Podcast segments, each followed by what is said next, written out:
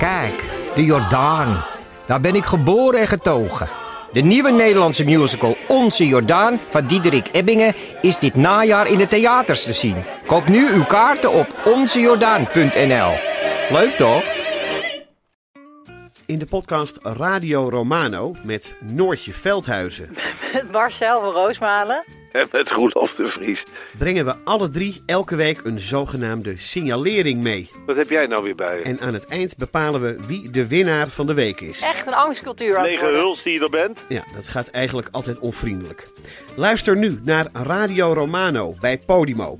Via podimo.nl slash Radio Romano luister je 30 dagen gratis. Want hier is het de bedoeling dat we juist niet anders zijn dan normaal. Ja. Dus eigenlijk zou de lieder moet je het misschien juist weglaten en Oh, instarten. we zijn we gewoon aan het Oh ja, dus eigenlijk komen jullie gewoon hier op de Thee, ja. slash wijn. Ja. Ja. En dan hopen jullie dat ik zoveel mogelijk leegloop. Ja, ja over Ja. alle Ja. gênante persoonlijke dingen. Ja, En, ja, ja. ja. En dan maak je dan niet stiekem alsnog een persberichtje van. Ja, ook wel. Dat heeft Ja, maar zie, kijk, dat- heeft hij dat gedaan. Als je belooft dat niet te doen, ben ik openhartiger. Oké, hoop beloof dat- ik dat ik geen... Nou, de- oké. Mag je dan één vraag stellen? Ik hoop dat het trollen van eh, media die het niet eens waard zijn om het te noemen, dan niet luisteren. En dan, eh, dan wil ik best, snap je? Ja, precies. Maar je nee, maar altijd- dan, je dan schrijven we er niks over.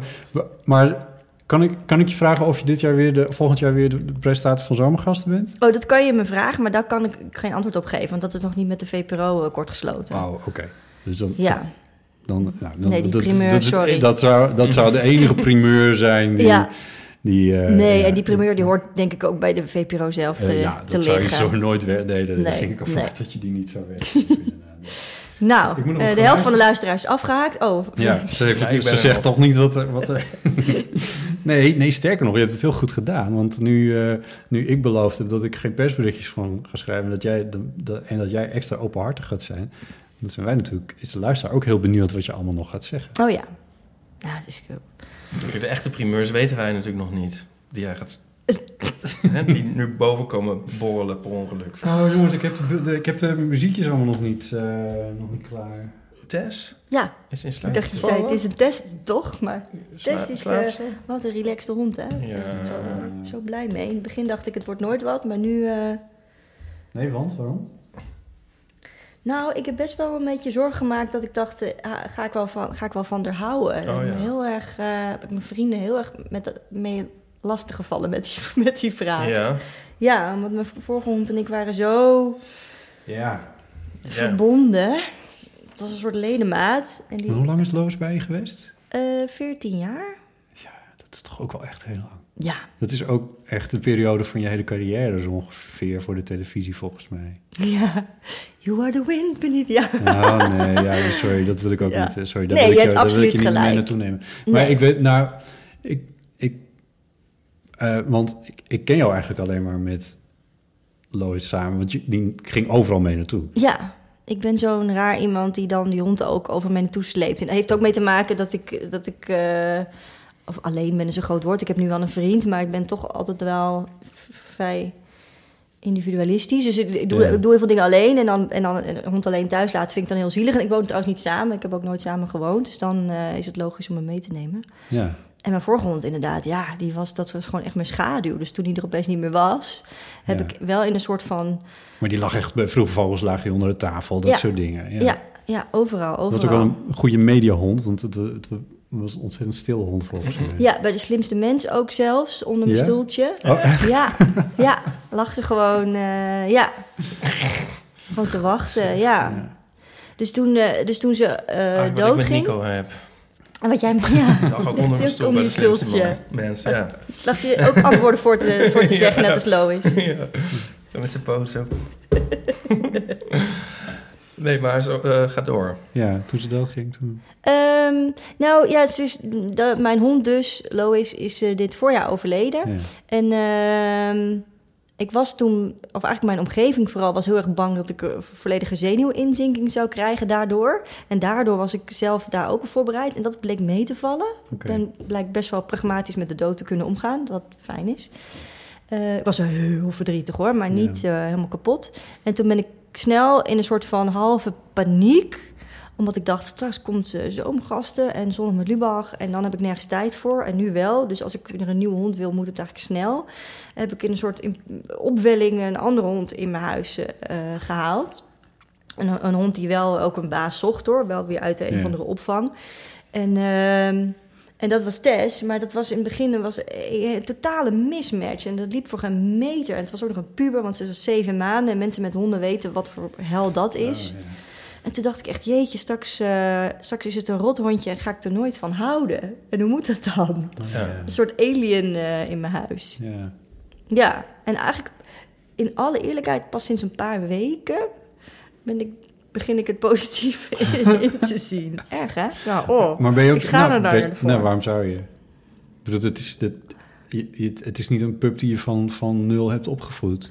Nee, dat is waar. Maar ik zeg altijd wel, mensen moeten goed nadenken voordat ze een dier nemen. En dan heb ik, weet je, met mijn grote mond gewoon zo hup gedacht van... oh ja, ik, ik, ik, ik moet weer een hond, want ik mis het zo erg om, om iets, om iets te ja, kunnen... maar je stapte niet heel... Je ja. wist wel wat je deed. Nee, dat is waar. Ik weet wel. En ik heb ook niet gedacht na, na een paar maanden... ik doe er weer weg, want Ja. dit wordt hem niet. Ik denk, nee, nu moet ik ook doorbijten. Ja. En nu, eh, en nu gaan we elkaar steeds beter begrijpen. Maar in het begin was het echt andere taal gewoon. En kan ze, met je, kan ze weer met je mee? Is Ja, ja, ze gaat weer overal met naartoe. Ja, Mhm. ja. Weer. Maar zeg ze is je. dus wel heel verlegen. Ze is super terughoudend en verlegen. En, maar dat was Loos eigenlijk ook wel. En die was in het begin ook heel bang. En die is later wel iets meer outgoing geworden. Maar het is juist wel een Iedereen voordeel. wil het ook aan haar zitten. Ja, maar het is ook wel een handig... Als je een hond hebt die overal mee naartoe gaat... is een timide hond eigenlijk handiger. In plaats van... Als mensen niet van honden houden... en je hebt een hond mee die tegen iedereen opspringt... Ja. en iedereen kruis snuffelt. Ja, En, Dat is misschien ook niet het bedoeling. Niet het Nee. Dit is niet heel bedreigend, eh, zoals het hier op de bank ligt. Nee. Eh, ik, zit op een soort, ik zit op een bankje thuis hier nu en, eh, en, en, en het ligt op een kleedje gewoon heel hard te, Nice. te snurken naast me. Dus ja. Ja. Is de locatie, of is de locatie altijd geheim? Wat, hoe, wat, eh, doe, doe je altijd alsof het bij jou thuis is? Nee. Zit ik allerlei podcast, podcastregels te hoor. overtreden? Het is meestal bij Botten thuis. ja. Dus, ja, ja maar, maar niet altijd. Bij Jonica zijn we bijvoorbeeld, Jonica Smeet zijn we ook bij haar thuis geweest. Oh, ik heb die. Oh, ik ga voor die Jonica nog even luisteren. ja, en we zijn vereerd dat we bij jou te gast mogen zijn. Janine Albring, want die naam is helemaal nog niet eens gevallen. Oh, ik zit nu al eh, radiowetten eh, voeten te Nou, ik, ben, betreden. ik ben erbij, maak geen zorgen. Ja, maar het staat in de omschrijving Ja, ook, dus dat scheelt. Ja.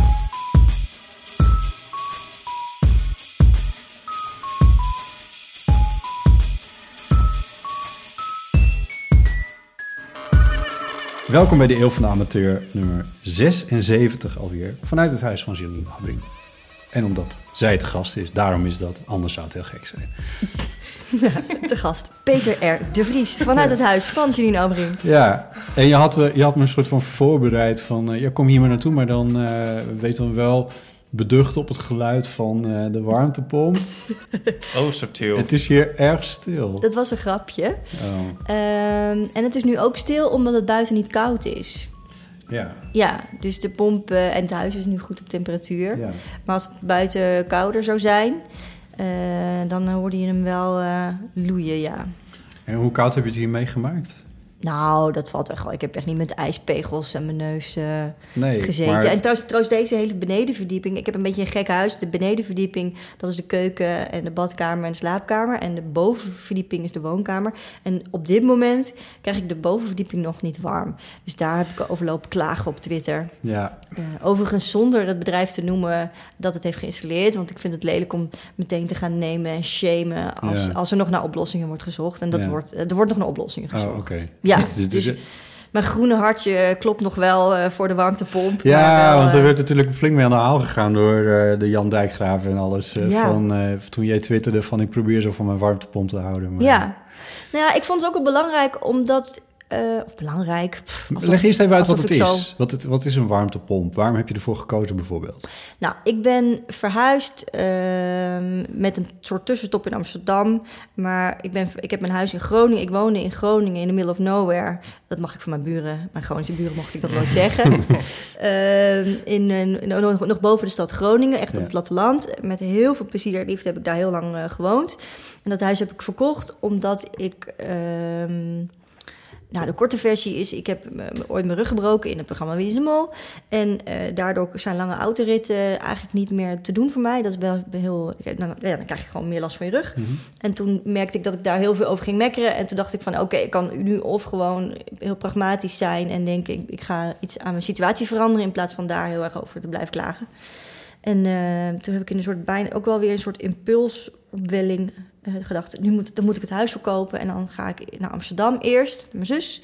En dan kijk ik vanuit daar eh, verder. Maar je hebt bij je zus gewoond in Amsterdam? Ik heb nog een tijdje bij mijn, Ah. ja, kort bij mijn zus gewoond en toen nog, eh, ook nog wel op mezelf voor een paar jaar. Op mezelf. Op kamers. toen ik mijn uitzet bij elkaar had. Ja. En ehm, ehm, we hadden het over de warmtepomp, hè? Ja, want ik vroeg waar, Nou ja, ik, kijk, die, die Groningen achtergrond is natuurlijk wel belangrijk in mijn motivatie om toen ik eenmaal een huis had gekocht, in Hilversum in dit geval, omdat ik graag in de natuur wilde wonen. Dus ik heb nu een huis aan het bos.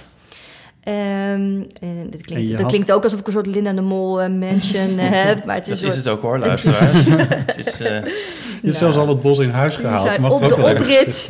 Er zit een enorme kerstboom ook midden in je, in, eh, in je keuken. Linda de Mol die reed net langs in de Ferrari. Die keek heel jaloers hier naar binnen. Ja. En wat is het toch, dat huis? Dat doet ze altijd, Maar ja. goed, je kwam van de gasbel. Ik kwam inderdaad goed, goed eh, teruggebracht naar de hoofdlijn. Ik kwam van de gasbel. Ik ging naar een nieuw huis. Of niet een nieuw huis, maar wel een huis wat ik helemaal ging strippen en verbouwen. En toen dacht ik van, als ik eh, duurzamer wil verwarmen, dan eh, is, is nu het moment. Eh, dus er was wel een redelijk nieuwe cv-ketel in, maar ik wilde zoveel mogelijk elektrisch gaan. Dus er zat inderdaad een gasfornuis in en ik kook nu elektrisch.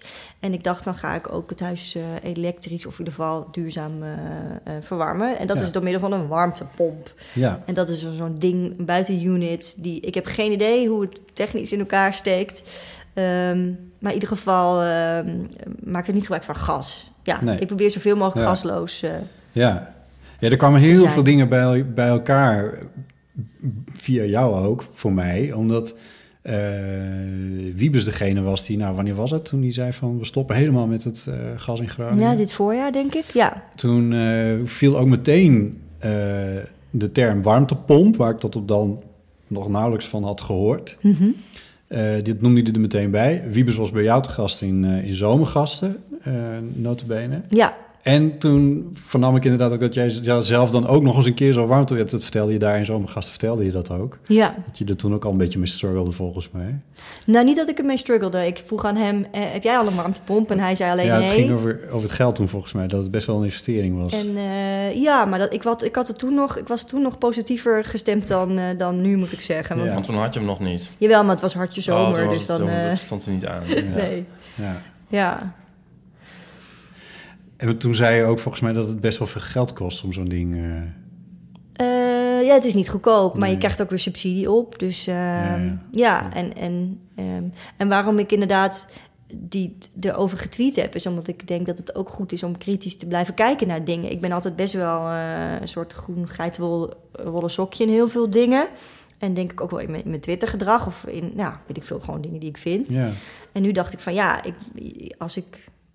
Als dit nu zo'n lijn is die in Nederland heel erg wordt uitgezet... en Ja. heel erg wordt op gehamerd... dat we straks allemaal bij voorkeur een warmtepomp moeten hebben... dan denk ik, ja, dan is het wel goed om daar... Kijk, want jij, jij, Ipe, jij woont...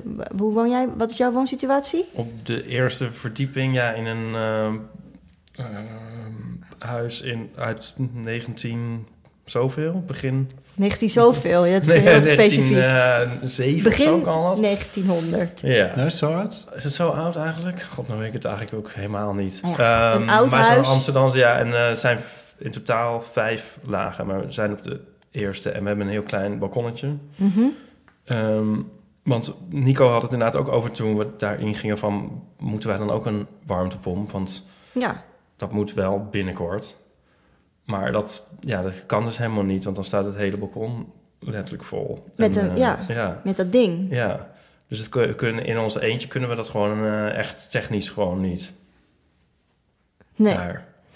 nee. Maar we hebben er wel over gedacht. Maar toen was het van, ja, dan kun je er misschien één op het dak zetten. En dan met z'n allen. ja. Maar dan, eh, ja, of dat al, of dat al kan, weet ik ook niet, zeg maar, qua dak. Maar dan heb je ook met heel veel verschillende mensen dus te maken die je aan huren en Ik weet ook niet of dat kan. Nee. Nee. En de reden waarom ik al wel iets meer ermee bezig was, omdat ik ook nog een jaar lang, of een jaar, anderhalf misschien wel, in hetzelfde project heb gezeten als waar JP in heeft eh, ge- eh, gezeten. Je hebt Pellemans die vorige aflevering te gast was en die... En die eh, vertelt ook af en toe. In Noord gaat wonen, in, in een duurzame wijk met drijvende woningen. Ja. En, ja. En eh, daar heb ik ook nog een tijd, in dat project heb ik ook nog een tijd eh, gezeten. Ja. En uiteindelijk werd dat voor mij te duur, dus daar ben ik toen uitgestapt. Eh, maar daar heb ik wel heel veel geleerd al over inderdaad duurzame materialen en manieren van verwarmen, et cetera. Ja. En dus daar heb ik in dit huis ook wel heel erg op gelet om geen aluminium te gebruiken en dat soort dingen. Ehm, dus daarom ja, was ik er ook al wel mee, veel mee bezig. Ja. En nu, A- eh, Aluminium, dan bedoel je kozijnen bijvoorbeeld? ja, of, eh, kozijnen. Of ik wilde heel graag zo'n metalen deur, maar dat is dan heel duur. En dan heb je goedkopere alternatieven, dus een aluminium. Maar aluminium is heel is een moeilijk uit te spreken woord. Ja, aluminium. ja. Aluminium Wordt gemaakt in Delfzijl over het algemeen. is... eh, Kost ja. heel veel elektriciteit, elektriciteit Nou, ik weet maken. in ieder geval, ja, wij hadden bij dat duurzame project, dat drijvende project, inderdaad een, een aantal lijsten met materialen van, joh, dit kun je beter niet doen, dit Nee. kun je beter wel doen. En daar, ja, dat vond ik wel heel interessant. Dus Ja, aluminium wordt gemaakt, dat kost heel veel energie om het te maken.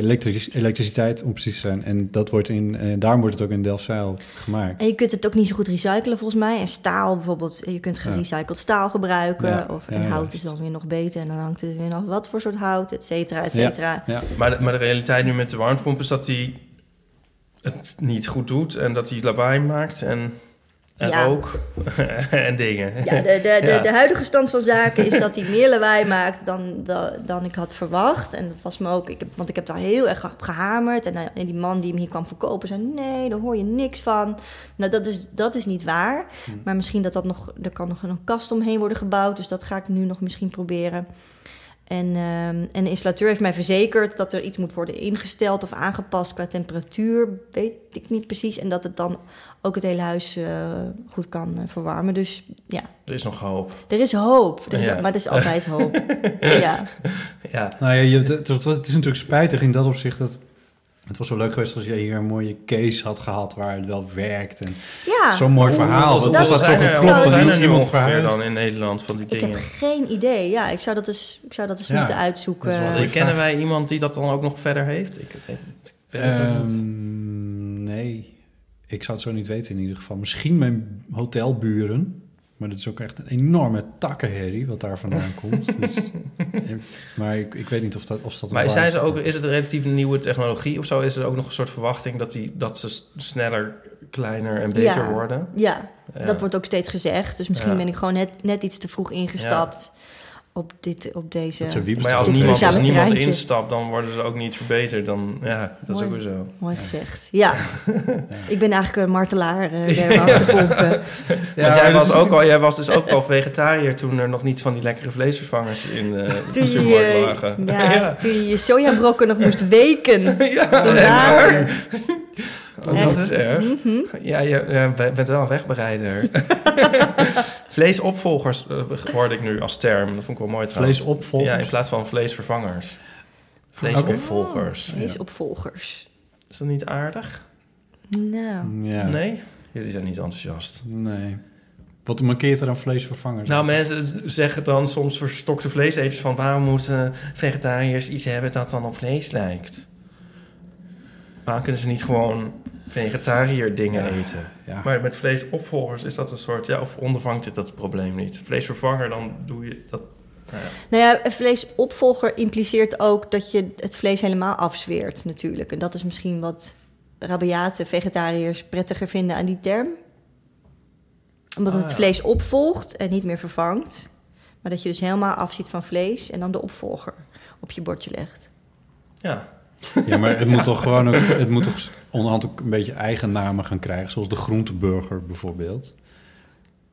Ja, Of zeg ik nou iets geks? Ik bedoel, dat zou toch veel beter zijn? Ik bedoel, het is heel mooi wat de vegetarische slager probeert door ja, nee, maar je hebt dus een koepel... hoe heet het, kipstukjes met CK en dat soort Ja. dingen. Dat is natuurlijk prachtig, maar op zich, het zou, de, het zou eigen namen moeten gaan krijgen. Dat is natuurlijk Ja, dat weet ik dus uiteindelijk niet. Want Nee? Nee, uiteindelijk als die vervangers zo goed zijn en zo goed smaken... en mensen zijn heel erg gewend aan op die manier gerechten te maken en te bereiden... dan denk ik dat het prima is dat je straks vegetarische rookworsten hebt... en vegetarische Ja. kipstukjes. En dat het dan niet eh, van een zielige kip is gemaakt. Nee, ik vind ze vrij goed trouwens, maar misschien zeg ik iets geks tegenwoordig. Ik ook, maar ja, dat... Ik vind ze heel goed. Ja, Ja, veel jij meer- hebt aandelen, dus dat... Ja. Oh ja, ik heb aandelen.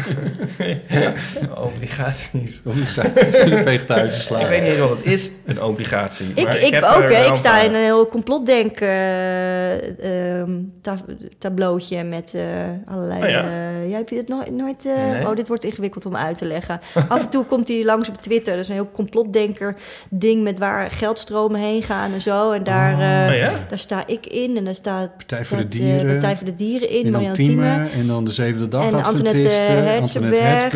En dan eh, Ja, ja. natuurlijk... Nou ja, Korteweg is weer de ex van... Ja, is weer de ex van eh, Marianne Thieme. Van, Ja. ja. daar sta ik dan ook bij. Was dat een ex inmiddels ook? En dan met allerlei eh bankbiljetten. Ik weet niet precies waar. En naar wie dat geld gaat. Niet naar mij namelijk. Daar ben ik eigenlijk nog het meest verbolgen over. Nee, naar mij. Hyper, ja. Mijn naam komt ook op de nieuwe fabriek, geloof ik. En samen met alle andere obligatiehouders. Oh nee. Full disclosure. Nee, maar ehm, nee, sommige dingen zijn beter dan andere. Want laatst hadden we een vegetarische biefstuk, maar die was dan weer van een ander merk.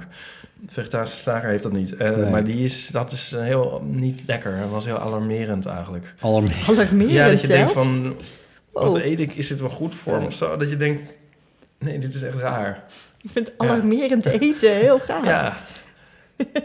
nou ja, Nee, dat moet je niet hebben, nee. nee. Maar ik het nou, nou, heb je dat nooit? Dat je denkt, oh, ja. Ja, ik knik heel hard nu. Ja. Ja, ja.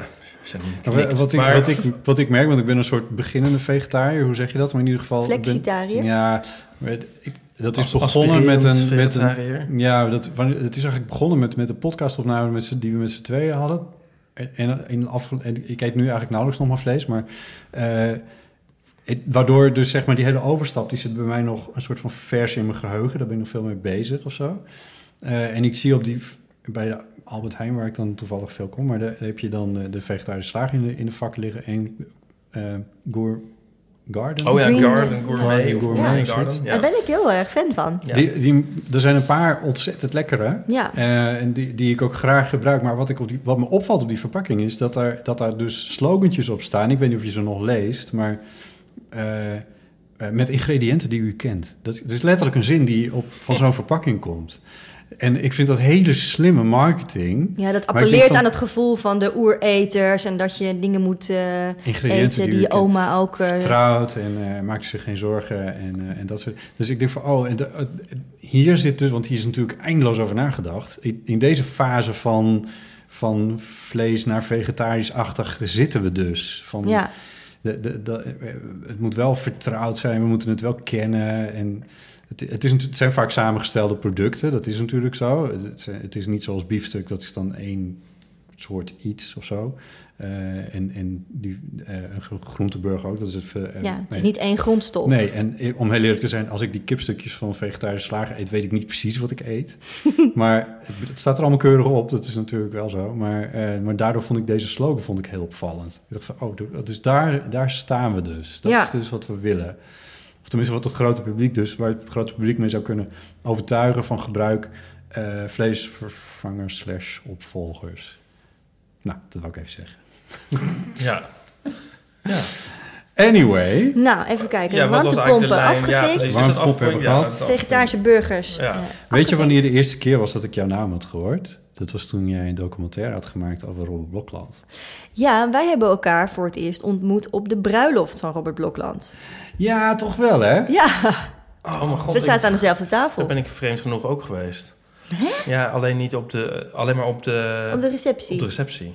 Robert, weten mensen wie Robert Blokland is? Ja, Want dat jullie kan hebben bijna altijd- niet anders. Jullie hebben altijd zo'n in-crowd eh, ja. Robert Blokland is een eh, gevierd eh, ANP-journalist, filmjournalist ook. filmjournalist. Eh, Hij is regelmatig op Radio 1 te horen bij van alles en nog wat. Hij werkt nu volgens mij voor TMG. Ik weet niet eens precies om heel eerlijk te zijn. want Maar toen ken ik jou ook nog niet. Wel. Nee, nee. Maar hij werkt gewoon nog gewoon voor het ANP. Ja, want als ik dingetjes Ja. heb, zoals dat als er nieuws uit deze podcast komt, wat ik nu dus heb beloofd om niet te doen, maar dat is ook een beetje een running gag. Ik heb is Robert Blokland hè? ook jouw geheime ANP-mannetje? Ja, ja. Dus van heel veel mensen is hij het geheime ANP-mannetje. Als je een dingetje hebt, dan stuur je hem een sms'je hem. En dan eh, zegt hij van, nou, Ja. of, eh, nou, daar is eh, die en die mee bezig, die belt je zo. Of nee, zo gaat het dan een beetje. Ja. Ook, ja, de inner workings of. Maar eh, hij studeerde in Groningen. Ehm, en hij, eh, was het nou geschiedenis wat hij studeerde? Volgens mij geschiedenis. Oh, ik ik ga weet je het helemaal inhoudelijke Robert Blokland vragen nee, nee, stellen. dat is, oh nee, my nee, nee, god. nee, daar gaat het helemaal niet om. ik weet wel het precies waar hij het woonde en met wie hij het deed, maar wat hij studeerde, dat... Vertel eh, dat dan maar. Het was een, hij- dat filmde je namelijk. Dat vond ik echt fascinerend. Hij, hij, hij, woont, hij woonde... Ik filmde niet met wie hij het deed, hoor. Mag ik daar Oh, even nee. een kleine correctie Nee, op... eh, Maar wel hoe die woonde. Want dat Ja. heb ik ook nog helder voor geest. Als vertering zo heet in zijn studentenkamer. Nou, ik werkte toen bij de, bij de regionale omroep in Groningen, RTV Noord. RTV Noord. En voor RTV Noord. En ik maakte, ja zeker. En daar heb ik echt alles, alles geleerd. En want ik mocht daar radio maken en televisie maken. En de- een van de eerste documentaires die ik zelf draaide als cameoer. Dat was toen nog heel erg bijzonder. Dat je zelf dingen filmde- Camerajournalist, ja. filmde als journalist. Ja. Was een documentaire over Robert Blokland. Omdat hij toen voor het eerst naar Cannes mocht, naar het filmfestival. Oh ja. Daar is hij nu Ja. al een miljoen miljard keer geweest. Toen was het een van zijn eerste keren, of de eerste keer. En toen heb ik gezegd, neem je dan een cameraatje mee en film zelf dingen. En dan film ik jou hier zo in Nederland. Ik heb er zelfs nog een prijs voor gewonnen voor die documentaire. Being Robert Blokland heet hij. Being Robert Heet die Blokland. echt zo? Ja, ja. Ik, volgens mij, ik, ik heb dit volgens mij ooit ergens gehoord en toen waarschijnlijk later gedacht van dit zal ik wel gedroomd hebben. Dat er een documentaire bestaat, Being Robert Ja. Blokland. Nee, die bestaat. Nee, ja. ja, het is- ja. Staat die op Is- YouTube? die- ja, precies. Nee, hij staat. We zouden hem eigenlijk op YouTube moeten zetten, ja. ja. Ja. Ik zal er eens over nadenken of dat... eh, Ja. Want het was... Ja, maar moet ik even met Robert Ja, er ook- natuurlijk. Want het is zijn verhaal, ja. Het is zijn verhaal. Het is natuurlijk gemaakt voor RTV Noord. Dus die moeten het dan ook goed vinden. Maar je hebt Ja. de prijs voor gewonnen inderdaad. Dat herinner ik me ook. Ja. Ja, je hebt, je hebt awards voor regionale omroepen. NL Award heet dat. En dan, het was dan de beste documentaire van dat jaar van alle regionale omroepen. Dus dat was ik of beste cameo documentaire. Maar eh, ja. Ja. nee, er zat een hilarische scène in met René Mioch. Die, eh, en dat heeft Robert toen zelf gefilmd, die ook best wel dronken was. En die is daar later ook nog heel boos over Oh, geworden. nee. Dat hij die kan pas jaren later achter dat hij in een documentaire zit. En heeft toch geprobeerd om die documentaire tegen te houden. Terwijl hij al een prijs gewonnen had. En nee, Mioch, die duikt ook opeens met die heel op, opvallende regelmaat op in deze podcast. We hadden, we hadden Mark Oh, eh, ja? van Oosterdorp te gast, de, de Neerlandicus. eh, En die praat dus precies maar- zoals René Mioch. Ah, En hij lijkt ook uiterlijk een beetje op René Mioch. Maar ik, ik hoorde dus van... Ja. Ik zat eigenlijk drie uur lang... was ik een soort afgeleid van... wat is nou die stem op wie lijkt nou zijn manier van praten... tot ik het dan wist. En eh, inmiddels staat de teller op zoiets van 12. 12 mensen zijn me sindsdien bijgevallen... die dat ook vonden. Want Gefabriceerde statistiek, Ja, maar want ik denk dan altijd van ben ik nou gek of lijkt hij nou wel... ja. Maar goed, dus dat was tot zover weer René Mioch. Ja. ja. Ja. Ja. maar dus als je hem nu op YouTube zet... dan krijgen we misschien ook wel weer René Mioch op ons dak. Ja, daar zeg je zo wat. Dan moeten we dat er even uitknippen. Of, of we doen een balkje voor Ja. ogen. Dan weet iedereen alsnog En niet. dan denkt is. iedereen van, oh, dat is Mark van Oostendorp. Maar waarom begon je over Robert? Zowel Rob Rockland als eh, jij als ik hebben in Groningen gestudeerd, volgens mij. Nee, Jij hebt niet in Groningen gestudeerd? nee. Ah, Nee, toen ik Robert leerde kennen in Groningen... Op Zwolle heb jij gestudeerd. Ja, ik heb journalistiek Ja. gedaan in Zwolle. Ja. En, eh, maar ik woonde toen Het in is warm Groningen. hier, Ipe. Ja, Is het warm hier? Ja, die warmte warm, ja. Hè, knus. Ipe trekt even zijn trui uit. Wat heel moeilijk gaan bij deze trui. Hup, warmtepomp. Ja. Nee, en ehm, toen werkte ik voor ehm, het eh, Groninger Dagblad. De- dat heet nu eh het Dagblad van het Noorden, maar toen Groninger Dagblad. eh, Ja. Die is later gefuseerd met het Nieuwsblad. En, eh, en Robert, die waarschijnlijk deed hij ook freelance werk daarvoor... of werkte toen voor het ANP in Groningen. En, eh, en zo heb ik hem leren kennen. Ah, Ja, juist. maar niet Ja. omdat we allebei studeerden. Ah, nee. Ja, dat Maar goed, jullie, zo ken je... Toen, toen was de bruiloft enkele jaren later. Nou, wel vele, Ja, vele ja, jaren later, ja. Ja, ja. Maar, maar zo kwam je in ieder geval... kwam ik jou voor de eerste keer een keertje tegen. En de tweede keer dat ik je tegenkwam... Misschien was het, een keer er tussendoor geweest... maar die vond ik ook hilarisch. Toen Oh jee. presenteerde je... Nee, dit is heel leuk. Toen presenteerde jij net eh Vroege Vogels op Radio 1. En ik werkte ook voor Radio 1. En toen was er een... In Loosdrecht, dat weet ik ook nog... was er een soort Radio 1 bijeenkomst... van allemaal Radio 1-makers. Ja, dat zal een wild feest geweest zijn. Met Lois, ja, het was een hilarisch feest met een nieuwsquiz en alles. En toen, Ik heb het geblokt. En toen zag ik je voor het eerst sinds de hele tijd weer. En, en, eh, maar toen was jij net gestopt, dit was 2011 of zo, was je net gestopt als jakhals bij De Wereld Door. Ja. Eh, en, en toen zei ik van, oh ja, oh, oh ja, daar ben je gestopt. Ja, nee, ja, dat, sorry, dat heb ik nooit gezien. En dat vond je toen heel erg leuk dat ik het nooit had gezien. Oh ja? Ja, dan vloog je me ongeveer om de hals, ja. ja. Dus word geen jakhals, dacht ik toen. Ja. Eh, nou ja, dat Ja. ja, het heeft je misschien ook weer geen windeieren gelegd... in de zin van dat het voor je carrière misschien wel weer heel goed is geweest. Zeker, ja. Ja. ja. ik kan, je kunt alle clichés van dingen die eh, misschien niet leuk zijn om te doen, maar wel nuttig, kun je erop loslaten. Hmm. Maar uh, ja, ik zou toch het advies wordt geen jakkals eh voor mezelf nog steeds te hard nemen. Ja? Zonder Hoe lang heb je dat te gedaan? in detail te treden. Eh, ik ben twee jaar jakkals eh, geweest. Ja, dus ja, vier DVD-seizoenen, Ja. zeg maar. Als we toch deze trip down memory lane dan Ja, doen, sure. wil je mijn CD-singeltje signeren? Of eigenlijk jouw CD-singeltje? Want dat is dan mijn eerste keer dat ik jou in het Het video staat kreeg. heel leuk op jouw website. Dat hoe jouw carrière van zingende cavia... want daar gaat het singeltje verhaal over... Ja, van zingende cavia via jakhals naar... Wat was nou het laatste? Dat was ook iets, iets Vroege vogel- vogels Vroege natuurlijk. vogels, ja. ja, het is allemaal het- beesten. uiteindelijk is het zomergasten zou je ook nog weer in de vogelcategorie eh, kunnen trekken natuurlijk. Ja, inderdaad, is allemaal een zomergasten. beetje dier, eh dierendingetjes. Ja, eh, want ik zag net inderdaad dit, dit singeltje hier op tafel liggen. En ik, en ik, en ik schrok heel erg. Want Jelle. ik ben ook... eh Jelle heet het liedje. En, want ik ben een beetje, nog een beetje... Ik woon in dit huis nou wel een tijdje, maar ik ben nog wel een soort van uitpakdozenfase. En dan weet je, dan opeens ligt er dan ook soms oude zooi op je tafel. Ik dacht, oh, heb ik nou dit singeltje hier laten liggen? Alsof ik zo heel subtiel zo mijn eigen single... Ja, nee, ik heb het meegenomen. Want ik heb hem ergens wel onder in een doos. Heb ik natuurlijk nog één of twee stuks liggen. Ik vond trouwens, want ja, daarom dacht ik dat. Deze week nog, ik denk gisteren of eergisteren... en ik stuurde een foto naar Arjen van bewaren of weggooien... nog zo'n een t-shirt met, Oh, eh, met dit eh, single hoesje... Oh, eh, leuk. de- op de voorkant, want die, die gaven we weg in discotheken. Want Ja. we deden dan discotheken afschuwelijke optredens. hit. Ja. Ja. het was Ja. verschrikkelijk. En dan En Arjen we... is Arjen Lubach, dat hebben we ook nog niet gezegd, maar eh, En daar het je- singeltje is, is Jelle van Tido en Slimme Schemer. Dat staat wel op YouTube Ja. als mensen denken, dat- gaat dit over? Nou, en, dat, en, en Tido was dan het caviaatje eigenlijk. Nou, je hebt het origineel van Eminem. Ja, Dat wordt, daarin wordt het refrein gezongen door Dido. ja. dat En is een prachtig liedje trouwens, dat, origineel. prachtig Dat liedje. Ehm, ja, het, het echte origineel van Dido is een prachtig liedje. En, en, en Eminem heeft daar weer samples uitgepakt. En heeft daar een ander prachtig nummer van gemaakt, Ja. Stan.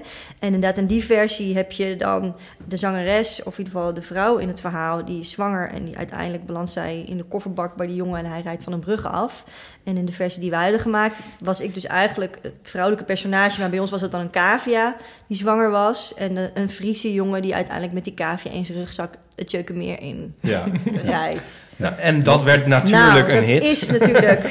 dat is, ja, Een hit en een rechtszaak ook meteen en alles erop en eraan. Je zat Een meteen, helemaal- ja, het daardoor ging, is het eigenlijk een hit niet. geworden. het ging over, over een Friese band. Laten we maar niet meer zeggen over welke dan. Jawel Maar- Oh. Het ging over de kast. Ja, nee, dat weet ik nog. Maar Ja, maar die vonden dat niet zo leuk. niet Nee, de kast, de kast had op dat moment nog een, ehm, een vrij nasty manager. Klaas, de Jong. Eh, volgens mij nog een naam die bij heel veel mensen wel... Dus ik- ja, eh, ook daar is een documentaire over gemaakt. ja. Ja. en die, eh, die zag overal brood in. En die had ook al een paar succesvolle rechtszaken gevoerd tegen meubelzaken. Die dan het hoofd van Siep van, Oh, ja, weet je wel, ja, op ja, kasten had geplakt. God. En dat mocht niet. Dus die dacht, hé, hey, zo'n stelletje muzikanten die een liedje maken waarin het ook deels over Siep gaat. Daar, dat, daar ga ik zo'n stokje voor steken. Maar die had er niet op gerekend dat wij ook dachten van, oh, daar kunnen wij publicitair gezien Ja, oh, ook, wel, Nee. ook wel wat mee. Waarschijnlijk al via Robert Blokland. ja, toch? Ik zei, Ja. ik heb nog wel een ANP-contactje. Ja, ja. Ongetwijfeld is het zo gegaan. Ja, dat kan bijna niet anders. Maar jullie werden daar niet zenuwachtig van. Nee, helemaal niet. Nee, nee, nee. Ik was toen als journalist en ik zei eh, tegen Arjen... Nee, niet dat... Arjen zal het zelf ook wel eh, hebben gerealiseerd. Maar van, ik zeg, dit is alleen maar perfect. Weet je, er is, er is no such thing as Ja. bad publicity. Dus we moeten wel... We moeten niet eh, een lelijk tegenoffensief gaan doen. Dus boos terug doen. Maar we moeten dus elke keer roepen van... Benadrukken dat we arme studenten zijn. Dat was ik eigenlijk al niet meer. Maar dat we heel erg verrast waren en onschuldig en zus en zo. En dat... Ja. Ja. en toen was het die boze manager tegen ons. En die hele rechtszaak sloeg al helemaal nergens op. Want je mag het gewoon natuurlijk... Je hebt gewoon Ja. parodierecht. ja. Parodierecht. Ja. Dus ja. ja, dat mag gewoon. Je mag parodieën maken op Ja. dingen. Wat geinig. Ja. Maar dat, dat, dat was, daardoor werd het echt een hit dan. Nou, dat zorgde natuurlijk wel voor veel publi- publiciteit, inderdaad. Dus dat heeft ons wel geholpen. En toen eh, we die rechtszaak hebben gewonnen... Een kort geding zal het zijn geweest. Ik heb er weinig verstand van. Ehm, ja, die uitspraak was vrij snel. En toen ehm, eh, is de week daarna stond, toen kwam het op nummer 2 binnen Hmm, in de top ja. 40. We hebben nooit op nummer 1 gestaan. Dat is nog steeds een grote frustratie van Arjen en mij. Oh ja. Ja, volgens mij was het. Def Rhymes die op nummer 1 Oh, stond. jezus. Nee, probeer je ook maar eens te Ja, verslaan. nou, misschien moeten jullie nog een keer doen. Nou, Je hebt het nog één keer gedaan, geloof ik, hè? Samen voor, voor Serious Request of zo. Dat jullie nog een keer samen... oh, voor heel veel geld hebben we het nog een keer Ja. live hoor gebracht. Ja, ja. ja. Ja, zoiets. ja. Maar ja, het was geen van jullie beide ambitie. Ja, Arjen heeft wel wat muzikale ambities natuurlijk. nou zeker. Ja, En niet onverdienstelijk. nee. Ja, nee, voor ons allebei, meer nog voor Arjen, denk ik dan voor mij, was het wel een eye-opener in de zin van: hé, hey, je kunt dus gewoon geld verdienen door grappige dingen te schrijven of door iets creatiefs Ja? te bedenken. Ja, Voor hem is jij het, zat al in de Ik journalistiek. zat in de journalistiek en ik ben daar meer in doorgaan. En voor hem Ja. was het een enorme eye-opener in een gezin van juristen en serieus studerende broers. ehm, Want wat deed, wat deed hij in die tijd? Niet zo heel veel. Oh, oh.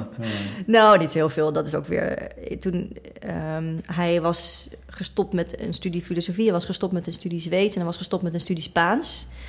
En hij was herstellende van Fiverr. En dat was volgens mij het punt waarop ik hem leerde kennen, inderdaad. En, eh, en toen hebben we dit, eh, dit dat, dat grapje geschreven. En Ja. ja. Voor hem is het een grote omslag geweest. Ik ben aanvankelijk weer, ik wilde terug naar de krant en dat kon niet meer. En ik ben toen bij de regionale omroep gaan werken en zo een beetje stappen gezet. Wat ik er vooral heb van geleerd is dat, dat je. ehm moet ik het nou eens uitleggen? Nou ja, weet je, als je in een volle discotheek durft te staan met een net iets te kort truitje, een, een liedje te zingen waar je eigenlijk niet achter staat en daar heel veel geld mee kunt verdienen, dan kun je daarna alles aan. ja. Dat, Oh, echt? Ja. Hoe lang heeft dat geduurd, dat circus eh, dan daar rond? Niet zo lang, want we hebben dat zelf echt heel doelbewust de nek omgedraaid. Echt mee gestopt. We hadden nog de hele zomer kunnen doorgaan in Ah. Salau en zo. Dat soort Oh, ja. optredens met boekenskantoren. En, eh, maar dat, eh, daar weet ik... Nee, ik zat heel vaak heel huilend in de auto naar Oh ja? Groesbeek. En dan Oh, ja. zei Arjen, denk aan het geld. Denk Nee. aan het geld. Oh, nee. Ja, ja, ja, ja. Ik vond het verschrikkelijk. Oh, Ja? Maar je deed het wel. Ja, Maar je, je had ook één liedje wat je moest zingen natuurlijk. Want we deden dan echt alleen maar één lied. Maar er is ook een B-kant staat erop. Ja, nee, wat we deden, en dit eh, weten niet heel veel mensen. Eh, ik weet niet of er nog beelden van zijn, ik hoop van niet. We deden niet die B-kant, die B-kant was te slecht. Wat we deden was, eh, we deden één keer jellen en dan was je 5 minuten 46 seconden verder. dus dat, lang. dat stikte lekker aan. Ja. En dan we deden een danceversie van de kleine café aan de haven. Oh, echt? Oh my god. En die Oh zong my jij. Wat bedoel ik eigenlijk? gemaakt. Ja. Ja, en we deden een eh, nummer van eh Pedalen met Roy Rines. Die ken jij vast wel, Botten. Oh, ja, van, na, ja, van naam. ja, Ja, dat is in, in Groningen zijn, is dat een wereldberoemd eh, duo... wat fantastische liedjes schrijft. Waar ik als, van, trouwens als van kind af aan een enorm fan van ben, was, ben, ben. Hm. Eh, maar daar deden we een nummer van. En dan deden we als toegift nog een keer... Jelle, dat was je weer... Oh ja, en we deden die quiz dus. We deden een quiz waarbij mensen zo snel mogelijk... het webadres moesten zeggen wat in dat liedje zit. En degene die Oh ja. en dan met microfoon... wel, eh, http://www.jelle.tmf.nl slash freesland is het beste slash c.html. Ja. En dan kregen mensen, konden mensen een t-shirt winnen. En dat, en dat deden mensen ook. Bedoel, die wisten dat nee, niet zo allemaal. goed als dat ik het nu deed. Ja, Maar, eh, oh vet. Ja. En, en dat ging allemaal in harmonie. Jullie kregen niet bier naar je hoofd en zo. we kregen En, eh, alleen maar... Nou, nee, ja, ja, tegen mij riepen ze broek uit, broek uit. En tegen Arjen riepen ze homo, homo. En eh, bier, bier gooien, ik weet niet, misschien was dat in die tijd. We hebben het over 2001. Ja, ik was vijf. ja, maar dan had je, dan had je Quatre Bra en dan had dat jij je... vijf was. Ja, nee, het is- ik praat er al helemaal overheen. Dat is ook opmerking. Ja, ja ik, ik, heb met, ik, ik speelde die tijd in een coverbandje en ik stond in diezelfde discotheken. En dus ik, ik zag acts zoals jullie dan inderdaad wel eens voorbij. Leden ogen aan. Ja, want die verdienen nou tien keer zoveel als wij deden. En Ja. wij moesten tot vier uur s'nachts. Zolang je in de top 40 staat, ja, verdien je daar heel eh, veel Ja. geld mee. Ja, Ja. Zijn er, ik heb een heel rare vraag. Krijg je nu nog steeds Maar wat voor, ik wil even weten wat voor muziek jij dan... eh, nou, wij, wij waren gewoon een coverband, dus wij speelden de hitjes van dat moment. Maar- en, oh, en de oké, hitjes dus- van dus- vroeger. ja. Ja. Ja, ja, ja, dus dat was ook niet per se heel spannend. Maar ja, ik bedoel, als gitarist is dat het dan een wel metal cover, weet je, dat bot opeens in Ja, een metal nee, coverband nee, blijkt. nou. eh, oh. Hij heeft wel de gekste dingen. La Bamba. De Ja. nood, nooduitgang van het goede doel. Maar jij speelt gitaar, toch? Ja. Ja. En, maar, en zong je dan ook? Nou, alleen achtergronddingen. Hele enkele keer de, voor La, bij La Bamba zong ik dan de lead, inderdaad. Oh ja. Nou, Dat je nou Ja, precies het is- juiste liedje ja. uitkiest. Ja, het- dat- ook hier bij geld, hier zijn dus ook geen beelden van. We Dit is gaan een allemaal... eh, stukje luisteren. Nee, dat is diep geheim. Dat is diep geheim, ja. ja. Of diep geheim, dat is niet diep geheim. Dat Heb hebben je eigenlijk mensen- muzikale eh, kanten, Ja. Ipe? Oh ja, toevallig wel. Ehm, ja. nee, ik heb het. eh, ja, ik zit even te denken wat. Je kunt ook volmondig ja zeggen. Ja, ja, ja, nee, nou, eh, ik heb een. eh, Omarm het nou gewoon. Ja. ja, ja, nee, maar ik, Ik heb een eigen denken- band. Oh, nee. Nou, ja, dat is niet echt zo. Die Ja, band die heet Pop Dorian. ja. Je kan dit opzoeken op Nou, YouTube. mijn moeder, nou vind ik je net mijn moeder. Het is... Je, Nee, ik heb een, inderdaad een beetje, ja, maar dat is een beetje in rusten. Het is een beetje. Ja, maar daar gaat het niet om. Ik, ja, maar had dus ook weer niet helemaal. Maar goed, ik maak liedjes. Nee, maar mijn me- meest recente wapenfeit is ook misschien het leukste. Ik heb een liedje gemaakt voor Maxime Duval. En dat is op 12 inch uitgebracht. Dus dat vind ik heel leuk, want dat is een soort het eerste wat ik niet zelf heb. Met een liedje voor iemand geschreven. Ja. Wat gaaf. Ja, Ehm ja, Air on the Side of Love. In het Engels. ja, Maar kan is je dat zelfs... ook al? is- Ja. Ehm, dus verschenen bij Bordello a Parigi. En eh, ja, dat kun je Ah. kopen in de winkel. Dat vind ik dus wel leuk. Ja. En ik heb wel eh, heel veel liedjes vroeger gemaakt, vooral teksten. En toen op een gegeven moment ben ik liedjes gemaakt, ook de muziek. En ehm Dat heb je opgenomen en dat opgenomen. is op een heb ik cd'tje. een cd'tje, maar dat Dus je cd'tje heb ik gewoon zelf gemaakt. Maar dat, en dat staat onder mijn bed, zeg maar. Dat heb alleen ik En je moeder. En mijn moeder. Maar als je daar nou als af of die het zelfs nog luisteraar heeft. van de Eeuw van de Amateur zo'n Ja. cd'tje wil hebben... Dat kan. mail dan naar info.fotostrips.nl Wat? Ja. Nee, maar Ja. eh, even, want je hebt dus voor die andere persoon, eh, de, maar je hebt niet alleen de tekst geschreven, maar ook de muziek. Ja. Echt het hele lied. Je hebt Ja. gewoon een lied geschreven, Ja. dat heel moeilijk is.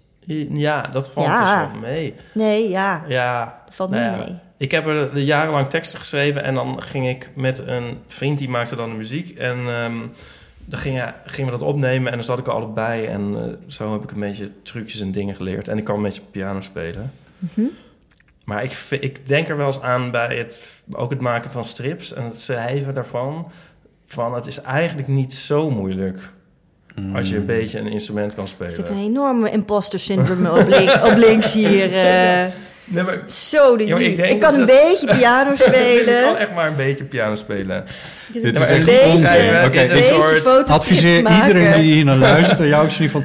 Ga naar YouTube, tik daarin... We hebben eh, één liedje you, met pop- of You Break eh, It, You Own Ja, It. dat is onze hitje. Dat is namelijk Daar echt een de- briljant nummer. Dat gaat over... Dat, dat, dat- het refrein is... Oh my heart, you break it, you own it. Dat is al briljant natuurlijk.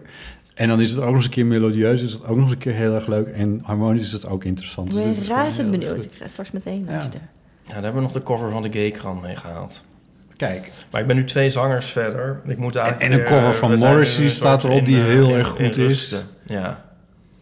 Nou ja, ik moet het weer eens oppakken. Maar Ja. waar ik nou benieuwd naar ben, krijg je nou nog royalties? Is dit nog een soort... Want het is niet... Het is een soort liedje dan natuurlijk een soort... Het is Nee. niet echt een evergreen. Of wel? Nou, dit is eh Staat hij in de top dolk in 2000? mijn hart. Ja, nee, ik. Nee, vraag me af. Staat hij in de top 2000? Nee, natuurlijk niet. Nee, dat zou kunnen, toch? gek geworden. Nee joh, het, nee, het is natuurlijk, het is, ja, het is een soort veredeld Sinterklaas gedicht op een wijs van iemand anders. Ja, maar het is wel een Laten heel we het niet mooier maken dan het is. Ja, het is een hit geweest omdat het toen in het nieuws was. En het momentum was goed, denk ik. En er waren niet heel veel andere eh, goede parodieën. Volgens mij hadden we Ome Henk had je toen en dat was het wel zo'n beetje. Ehm, ja, zelfs de hond zucht even mee eh, als er naar Ome Henk eh, valt. Ehm, dus in, in het genre was het heel oké, maar natuurlijk is het geen evergreen. Nee, nee, ik krijg geen royalties, want alle eh, royalties qua mm, het nummer gaan natuurlijk naar Eminem. Die is heel erg rijk geworden van Jelle. Wij kregen Sena Oh ja. voor het schrijven. En, Ja. eh, en ik krijg denk ik nu nog iets van, eh, nou, toch wel een dikke 6 euro per jaar Oh ja. zal het wel... eh, Ja, precies. ja, dus daar gaan we toch nog goed van uit eten. Ja. ja. Ja, wat, ja.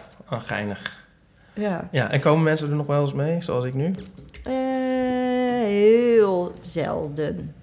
Ja. Ja, we zijn Het is vooral heel erg leuk dat we nu allebei stuk totaal andere dingen doen. Ja. En dat heel veel mensen er vaak nog achterkomen dat wij Ja. dat waren, bijvoorbeeld. Ja. Dat is natuurlijk heel, Ja. een hele rare gewaarwording als je ergens diep in je achterhoofd dat liedje ergens van kent en het wel ooit kende. En dat je er dan achter komt dat het Arjen Lubach is en, en die, die vrouw van Zomergasten. Dat is natuurlijk echt een heel gekke openbaring. Ja.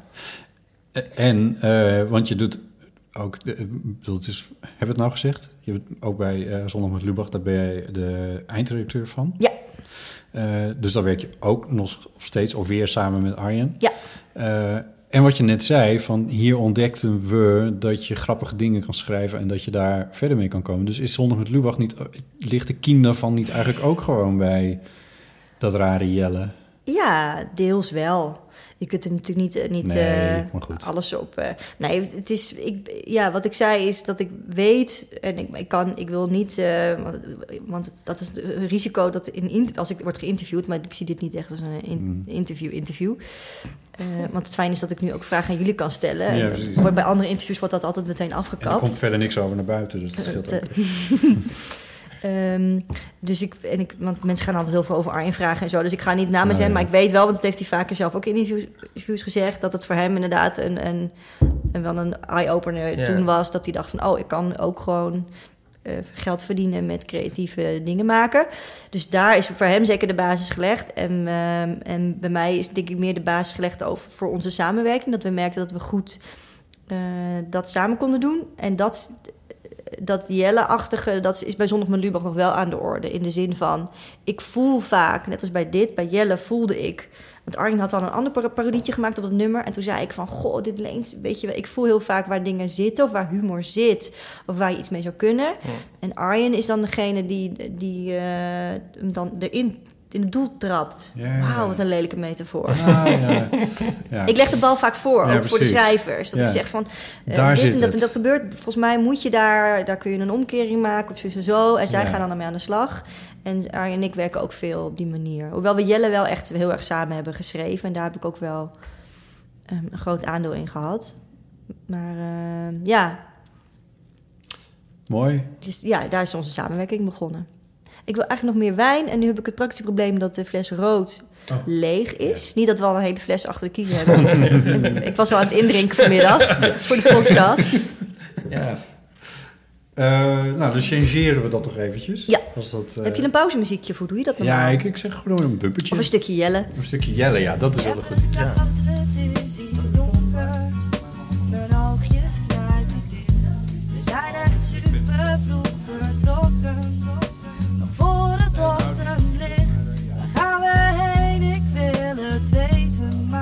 ik zie niks en hou me klein. Ik wacht op morgen, op een nieuwe dag, op een nieuwe dag. Hoi Siep. Dit is nu pauze, hè? Dus dan Ja, kan ik verder met mijn imposter syndroom. Wat jij zegt over zo omkeer... Nee, ik denk het is zelfs met strip, strips, met grappen. Je hebt een soort, soort basisgrappen. Eigenlijk is het altijd hetzelfde. Als je iemand wat aanleert en dat eenmaal ziet... dan kan je gewoon zo technisch op een onderwerp zo'n basisgrap plakken. En dan heb je een grap. Ik snap het niet helemaal. Nee, dus je kan niet, je hebt een omkering of een uitvergroting of, een, Ja. of juist een understatement en zo. Ja, en zo- en een soort of een uitzoom of zo. En dat zijn gewoon dat zijn eigenlijk maar zoveel dingen. Ja. En dan gaat het erom dat je, of wat ik heel vaak zo'n truc, als ik het echt niet meer weet, het onderwerp is het de grap. Dus dan verberg je een soort het onderwerp en dan op het einde is een soort reveal en dat is dan het onderwerp. En dan is dat om een van de reden grappig, weet niet waarom. Maar dat kun je mensen gewoon leren. Ja. Of Ja, zo. Of daar moet je dan een beetje gevoel voor hebben. Niet niet dat- iedereen, maar dat... Als je het ziet, het zijn een soort puzzeltjes. Ik, ja, nou, niet om het de hele tijd over Arjen te hebben, maar ik heb hem een keer geïnterviewd over zijn, eh, zijn boek. Is, is, is, dit is pauze. Dit is pauze, nu? Ja. lopen we door. Nu Oh. lopen door. Oké. Is dat Oh. erg? Nee, maar dan, dan weet ik, dat vind ik fijn om te weten. Ja, dus sorry. Ja. Ik heb hem helemaal niet uitgezet, maar we knippen wel een stukje af. Maar Oh ja, nee, maar, ja, maar, ja, nee, ja, ga verder. Ik heb Arjen een keer geïnterviewd toen hij zijn eh, eh, boek 4 had geschreven. eh, wat een thriller was. Mhm. Ja. En ehm, ik interviewde hem voor de Ja. avonden. En het is natuurlijk heel gek om iemand te interviewen over een thriller. Want eh, je kan eigenlijk inhoudelijk nergens over hebben. Want dan geef je al heel snel dingen van het plot weg. Ja, dan spoiler je de Ja, dus dat doe je niet. Dus daar, toen heb ik het met hem ook gehad over, ehm, eh, of hij heeft het eigenlijk met mij gehad over eh, hoe, je, hoe, hoe het voor hem ook een soort eh, vingeroefening was van hoe schrijf je nou een eh, thriller? Wat zijn nou de ingrediënten die erin zitten? Wat voor trucjes pas je toe? Al die dingen. Dus dat is een beetje. Dat, Ja. dat, dat was voor mij toen ook wel een beetje een eye-opener van, oh ja, dit. Voor al, Het ook is voor niet dit. magie. Nou, nee, precies. Voor, voor heel veel dingen zijn ook gewoon wel regeltjes. Ja.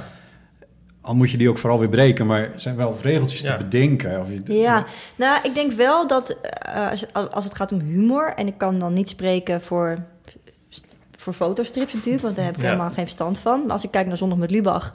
je hebt inderdaad, ehm, wat jij ook zegt, dat het een soort puzzel is. En ik denk dat ik meer eh, op dit moment nog... en ik hoop me daar wel meer in te ontwikkelen...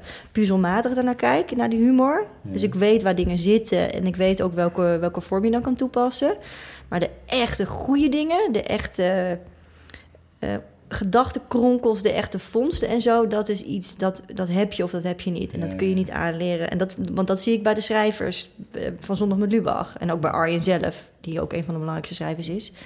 Ik ben het ook Ehm, wel met je eens hoor. Daar Dan, he- die komen dan met dingen en dan, Ja. ja. en dan, en dan soms valt mijn mond er echt van open. Dat is zonder overdrijven. Ja, Ja. en dat vind ik dan zo Ja. knap. En hoe je, hoe je ja, of dan de tranen over mijn wangen van het lachen. En denk, verdorie, hoe verzin je het? En daar, eh, daar, dat is niet iets wat je kunt aanleren, denk Nee, ik. nee. Nee. precies. Nee, daar zijn ook geen, geen regels voor of zo. of Nee, dan is het juist dat je die regels loslaat. En ehm, bijvoorbeeld ehm, het grootste, een van de grootste eh, succesnummers is wel heel lelijk, maar eh, waar we veel, veel, veel views op hadden, is het filmpje van, over, van, van Donald Trump. Ja. eh, Netherlands Second. En dan kun je inderdaad, je kunt puzzelmatig naar Trump kijken en redeneren van, goh, Amerikaanse shows die doen Trump al veel beter. Of veel, veel beter, die zitten natuurlijk dicht op dat nieuws. Ja. Dus wat heb je dan als Nederlandse satirische show nog toe te voegen? Of, of, eh, want ik wil niet onderdoen voor die, voor die Amerikaanse shows. En dan kun je bedenken van, goh, dan moet je het eigenlijk vanuit Nederland benaderen. Maar dat je dan inderdaad bedenkt, oh ja, hij zegt altijd America first. En dat je dan vraagt van, mogen wij dan tweede zijn of zo? zo die, die gedachtesprong vind ik dan wel, ja... Daar, moet je, daar, daar zou ik zelf niet snel op komen. Nee, weet je nog wie dat, wie dat toen bedacht? Ja, we geven nooit individuele credits. eh, omdat we, om, en, dat, en dat heeft niet mee te maken eh, dat we dat niet willen, maar omdat eigenlijk altijd alles in teamverband tot stand komt. Ja. Dus die zegt dan dit en die roept dan dat. En die bedenkt Ja. dan, hey, Lee Towers. En die bedenkt dan weer Ja. Ponypak Slagharen. En zo komt het bij elkaar. Ja, ja, dus zou- als je één keer begint met individuele Ja, credits... precies. dan moet je de hele tijd gaan zeggen... oh, die bedacht dat Ja. en die bedacht dat. En dan, dat is misschien ook niet zo. De nee, Pet Shop Boys. Oh, oh, oh, ja, wacht even hoor. Ja, ja, ja. we hebben een Pet Shop Boys alarm. Ja, dat is de Pet Shop Boys. Ja. Die doen dit ook. Die hebben aan het begin van hun carrière afgesproken om alle credits Tenant Low. Elk liedje is gecredit Tenant Low. ja, Ook al is er soms wel eens een liedje dat alleen maar van de een of de ander is. ja. Ja, Mooi. dan hebben ze geen gedoe. Nee. En dan hebben ze evenveel geld. Dat is ook handig. Ja. Ja, dan kan je daar ook niet ruzie over krijgen. Nee, ik, ik, ik vind de, de, bij Zondag met Lubach wel dat jullie een, echt wel een eenheid eh, vormen en elkaar ook heel goed afschermen. Of is dat nou... Ja, dat klinkt bijna lelijk, maar het is ook lelijk. Het woord valt wel heel vaak nu, maar goed. Oh. Ja, I don't know. ehm, in welk opzicht? Ehm, jullie geven weinig interviews. Ja. Eh, zeker als het over nieuwsdingen gaat. Want ik heb je ook als, als journalist wel een keer benaderd voor de radio van... Goh, jullie hadden iets, zou je daar nog iets over doen willen nooit follow-ups. Doe je niet. Nee, maar geen van jullie, niemand. Nee, Eh, dat is beleid. dus dat is wel, het is wel een soort, soort eenheid die je daar... Het is bijna alsof jullie dat... Dat hebben we afgesproken. Ja. Ja. Maar eh, waar z- zorgt dat voor een soort veilige situatie... waarin jullie het kunnen doen zoals jullie het doen? Of wat, wat is de reden daarvoor? Nou, de reden daarvoor is dat we in eerste instantie een satirisch programma zijn. Ja, En als je gaat beginnen met verantwoording afleggen voor de satire die je maakt, dan is het einde zoek. Dus dat is eigenlijk, mooier dan dat kan ik het niet maken. Nee. We zijn niet een journalistiek programma. We doen niet. ehm, de dingen die we maken zijn vaak gebaseerd op al bestaand nieuws. Want anders we, we gebruiken fragmenten uit andere programma's. Ja. Dus eigenlijk feitelijk is het nieuws er al en wij geven er een andere draai en of we doen op een andere manier research. ja. Ehm, dus, eh, en, en, en alles wat we willen zeggen over zo'n onderwerp wordt gezegd in zo'n uitzending. Dus er valt echt niet nog op terug te komen. Nee. En ook en als we dat wel gaan doen, de reden waarom niemand van de redactie dat doet trouwens, is omdat ik vind dat Arjen de woordvoerder is van het programma. Dus als er al iets wordt gezegd, dan moet het Arjen zijn, vind ik. En ja, als we, als we overal op zouden terugkomen, ik zou, ik zou echt een fulltime baan kunnen hebben door nu bij middelbare scholen langs de, want hoe, va- hoeveel aanvraag ik daar niet voor krijg. Ja. Om in maatschappijlessen, in debatavonden, in Pakhuis de Zwijger, in debatavonden, in weet ik waar. Ja, Maar heb je dan ook... Ik bedoel, ik snap dat je dat afspreekt en ik begrijp heel goed waarom je het doet. Maar heb je dan heb je dan niet ergens ook niet gewoon zin om dat wel te doen? nee, Nee? juist niet. Waarom zou ik daar zin in hebben? Want wij zijn nou altijd alweer met een ander onderwerp bezig. Omdat dingen je aan het hart gaan. Ja, Botte heeft vandaag gereageerd op een hater op Twitter. Did you feed the trolls? Nee, volgens ik mij heb ik trouwens dat heel ook. netjes... Ik heb me ook laten verleiden eh, vandaag. Ja, maar wacht, dat is weer, ik vind dat wel iets anders. Nou ja, maar ik, het is wel een beetje volgens mij van... Ik, ik snap wel dat je het een soort heel duidelijke lijn... zo van, we doen het niet en dan hoef je er niet meer over na te denken... ben je nooit in de verleiding en dan laat je gewoon... Ja, eh, nee, die, duidelijk, die duidelijkheid Ja. begrijp ik wel. Maar ik bedoel, het gaat je wel aan het, aan het... Die dingen die jullie maken, gaan je ook aan het hart. Zeker, ja. ja, maar je hebt ze al geventileerd. Maar we, hebben, we, hebben dan, we zijn er dan al zo lang mee bezig. Hebben zoveel research gedaan. Ik heb het verhaal van duizend kanten bekeken. En, eh, en dan uiteindelijk is... Je moet het zien als een soort... Zo omschrijft Arjen het vaak. En dat vind ik wel een goede manier. Hij zegt, het, je moet het meer zien als een column uiteindelijk wat wij maken. Het is niet doorwrocht in de zin van alle voor's, alle tegens, alle info. Want dat kan niet. Het is een column, het is, een, het is, het is comedy. En dat is wat we maken. En daarna is het klaar. En dan gaan we door naar een volgend onderwerp. Ja, ja. ja. Het is ook wel zo helder, Ja. wat dat betreft. Wat heb jij dan eh, je laten verleiden vandaag? Ehm, eh, ik heb me laten verleiden omdat ik dus. eh, Zet je microfoon even een beetje aan deze kant. Oh. Ik heb het gevoel dat je steeds een beetje die kant uitbeweegt... omdat die microfoon er staat. Of er- ja, nee, weet niet. Of ik Of microfoon voor jou ben. prettiger... Nee, nee, nee, dat Oh. ben je helemaal niet. Maar of het voor jou prettiger is. Oh, eh, ja, nou, ik weet het niet. Ja, Ja, oh, Ik weet niet of de luisteraar zo. eh, Oké. Sorry hoor. Hallo, wij zijn Twarres. dat, zei ik, dat zei ik altijd bij de, bij de soundcheck bij eh, Jelle. Oh, Slimme schemer. Hallo, tik, tik, Was dat tik. die tijd? Wij zijn Twarres. Ja, Oh, ik was zo verliefd op Johan. Ik heb een Polaroid met Mirjam en Johan. Van jou met hen? Ja. Oh ja. Ja, ja. ja. Ja, ik was echt helemaal verliefd op Johan. Maar goed. wat grappig. Arjen heeft, een- heeft een- zo'n theaterduo gevormd met Tim Kamp samen. Hè? Monica de Silva Ja. trio. Die hebben een fantastisch liedje ook over Johan van Twarres. Johan van Twarres, hoe is het nu met jou? Ja, Dat vraag ik me altijd af. Ja, ja, hij, nou. ja ik weet, hij is ziek. Ja, dat... Ja, maar verder weet ik het niet. Nee, je kijkt mij nu aan. Maar nee, ik, weet heb het niet. Ja, en Je hebt jij komt korte lijntjes? Ik heb, ja. De Friese kennen elkaar. ja. Di- dicht, nee, dichter dan de gitaar van Mirjam ben ik nooit bij Johan gekomen. Laat ik het Ja, zo ik, ken, zeggen. eh, ik stond zo naast hem. Hij had een blauw, lichtblauw trainingspak aan. En geblondeerd haar. Maar ik vond donker beter staan. Maar goed. ehm, Komt die ja. foto online? Dus zullen we die in de show notes zetten? Ja. Ja. ja, ik zie eruit alsof ik... Nou, ik wou zeggen 12, maar dat is zelfs nog te oud. Een soort 9 lijkt op die foto. Dat is echt verschrikkelijk. Terwijl je was toen min 2, toch? ik Als was ik even min 2, ja. Dus ik zag er heel oud uit voor beneden. Ja, het- Nee, maar je Ja. vroeg waar, Ja. waar ik eh, Ja. welke troll ik Nee, nee, had dat vroeg. Ieper. Ja, ik eh, wil het ja. helemaal niet eens over. Oh, je wilt het niet weten? Oh, dan gaan we door. Ja. Nee, ik wil het wel weten. Nee, Oh. vertel het. Nee, het Oh ja, was naar sorry. aanleiding van dat... eh, ik had eh, getweet over die warmtepomp. Telegraaf heeft daar een stukje over eh, geschreven. En toen tweette Jan, Jan Dijkgraaf vandaag dat artikel... met daarboven de tekst donder op met je warmtepomp. Waarbij ik al vermoedde dat hij het niet helemaal bedoelde... dat ik moest opdonderen, maar ik vond het vrij kort de bocht. Dus toen heb ik teruggeschreven, donder, donder zelf op. en daar gingen allerlei... goed eigenlijk. Eigenlijk trollen, donderen zelf op zeg, zoiets heel flauw. En toen gingen allerlei natuurlijk eh, trollen waar, die dan meekomen met Jan Dijkgraaf... gingen er wat harder in over Oh, ja. eh, dat ik een doos ben en dat ik, eh, weet ik veel... ja.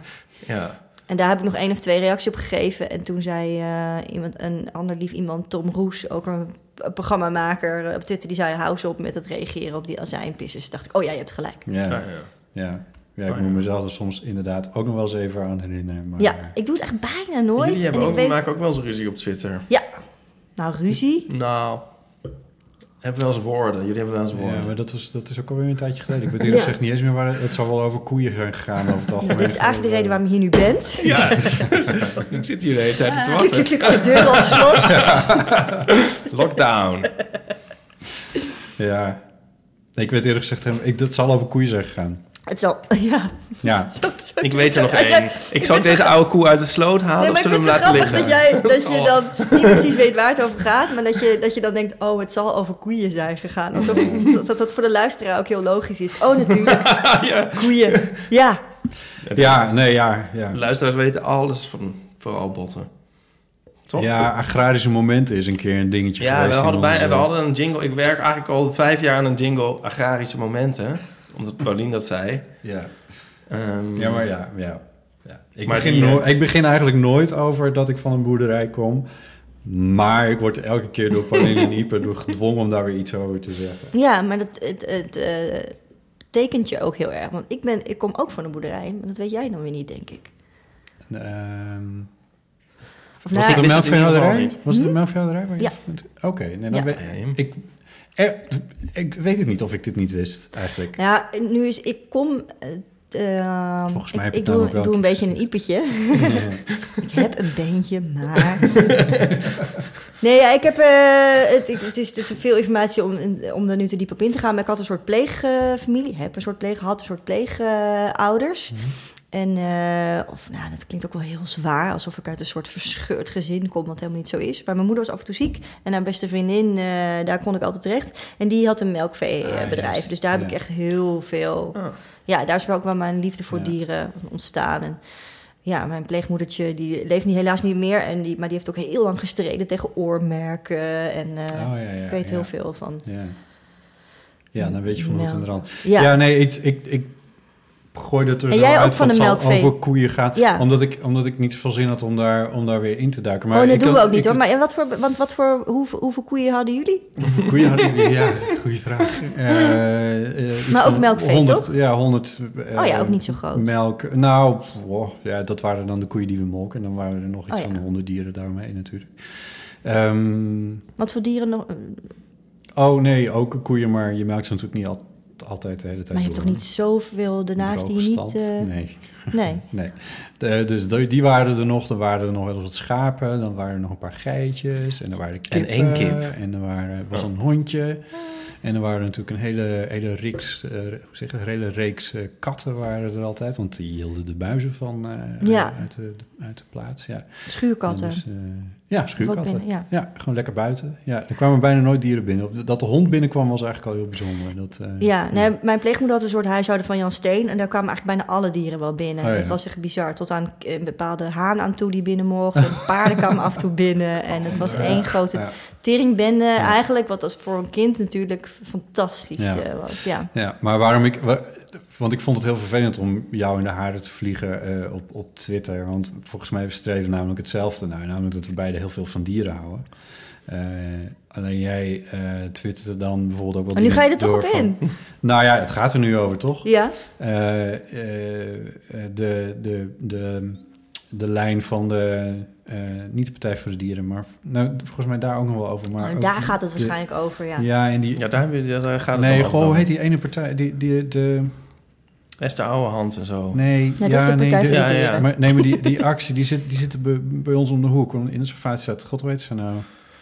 Wakker dier bedoel Wakker jij? Dier, ja, maar dat is geen politieke partij. Nee, dat is geen politieke partij, maar dat is wel een, wel een, een, een, een actiegroep. Ja, Die, eh, die heel veel misstanden in hoe er met dieren wordt omgegaan aan de kaak stellen. Soms op heel activistische manier. Ja. Waarbij ze eh, ook niet zelden de eh, agrarische kant van het verhaal eh, heel scherp aanvallen. ja.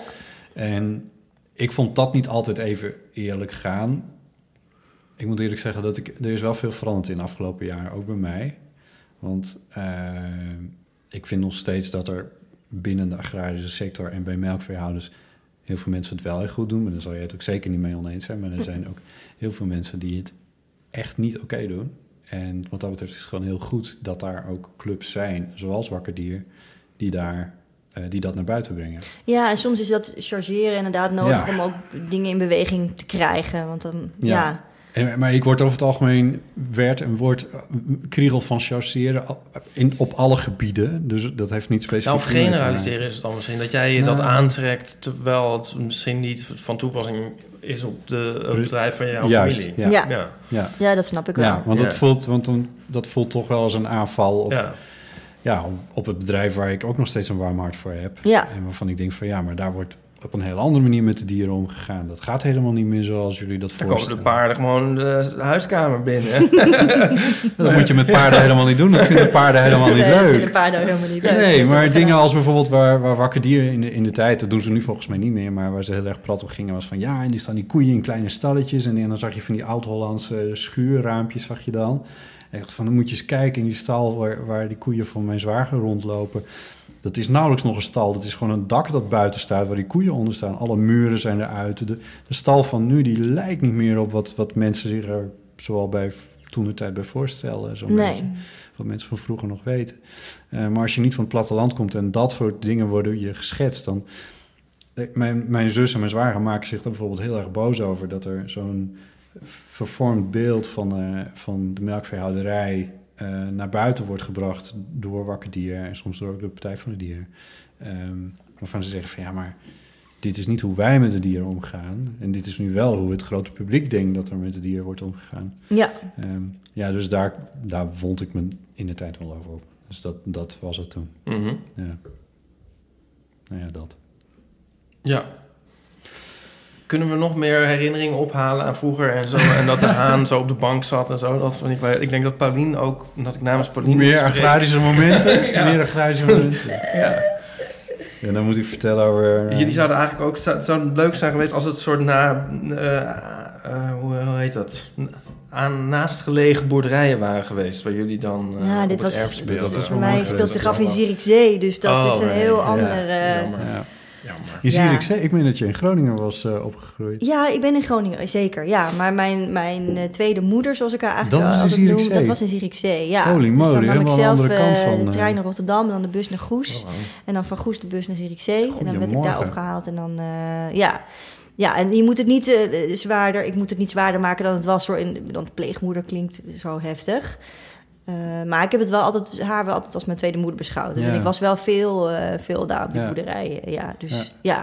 ik heb daar wel mijn liefde voor dieren en me, echt wel een klap van de molen meegehad. Maar ik weet nog wel dat mijn pleegmoeder... Ik ga nog een verhaal voor, voor Paulien vertellen dan. Ja, Gewoon leuk, even heel een agrarisch moment.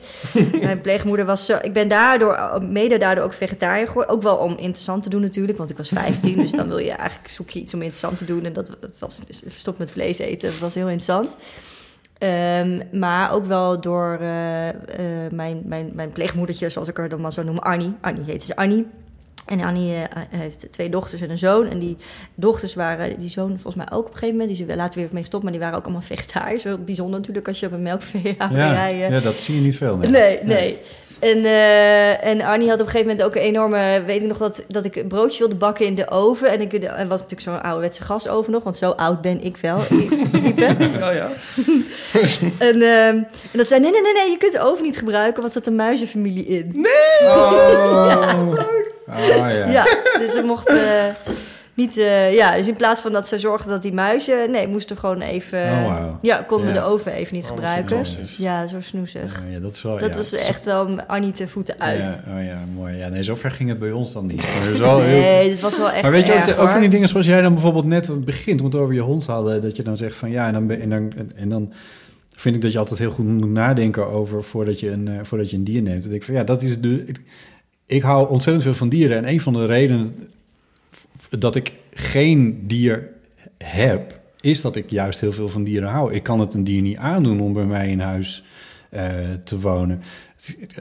Zoals jij een hond hebt bijvoorbeeld, dat Ja. zou voor mij heel ingewikkeld zijn met eh, mijn werk en waar ik allemaal... Ik zat wel, nou ja, goed. Zoals jij het doet, dan zou het dan misschien weer wel kunnen, dat je me echt overal mee naartoe neemt, of haar overal mee naartoe neemt. Dat klopt, maar dat moet wel. ehm, ik, ik, ik praat, je moet er ook niet te makkelijk over doen. Ik zit nu natuurlijk Nee. ook in een positie dat ik, dat ik nu af en toe ook de, de, de, de presentator ergens van ben. En dan kun je wat meer eisen stellen. Weet je, Ja. Daar, laten we eerlijk zijn.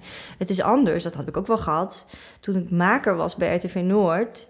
Eh, was het verboden om honden mee te nemen. Dus dat kon niet. Het was een Nee. En ik wilde graag een hond. Dus ik ben toen ook eh, daar gestopt met werken. Niet, omdat ik, niet alleen omdat ik een hond wilde hoor. Zo. En toen ben ik later weer teruggekomen als freelancer. En toen heb ik gezegd van ja, ik kom hier alleen maar werken eh, als de hond mee kan. En anders kom ik niet. Dus dat. Ja. eh, en tot nu toe is het altijd. Ik heb het bijvoorbeeld ook gezegd. Ik heb namelijk ook een blauwe maandag voor Alberto Stegeman gewerkt.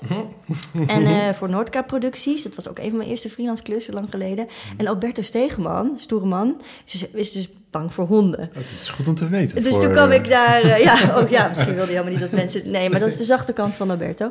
En eh, dus toen kwam ik daar ook op een soort van sollicitatiegesprek. En, en dan was helemaal rond. En nou, leuk. En ik zeg, ja, één ding. Neem mijn hond mee. Ik zeg, nee, dat kan nee, ik, eh, Want ik ben bang voor honden. Ik zeg, ja, maar dan... Sorry, Alberto. Dan, eh, ja, dan moet je iemand anders eh, zoeken. Ja. En, ehm, maar toen wilde hij toch graag dat ik voor hem kwam werken. En toen, Ja. nou, toen had ik natuurlijk Loos mee. Dat is een soort, weet ik, ja, konijn in een hondenpak. Dus hij was heel snel, eh, kwam hij erachter van, oh, dit Het is... loopt wel dat- los. Ja, ja. daar hoef je niet bang voor te zijn. Ja. Dus ja, je neemt wel risico's in de zin van... soms kun je misschien werk mislopen erdoor. Dat is dan... Ja, Nico. Ja. Ja, nee, ik vind dus ook niet dat jullie een hond moeten nemen, Nee. want dat is, dat is gewoon heel Ja, onverstandig. Nico hoort het nog wel. Ja. Ja, wil je... Nee, Nico wil altijd, zegt altijd van, we willen heel graag een hond. En dan is het zo van, want jij kan dan toch altijd... Ja. Jij, jij hebt Want toch jij werkt meestal thuis. Of Ja, hoe- dat is niet eens zo. Maar dat vindt Ja, hij. moet je je voorstellen dat jij op pad moet om een fotoshoot te doen met je camera en dan die hond mee.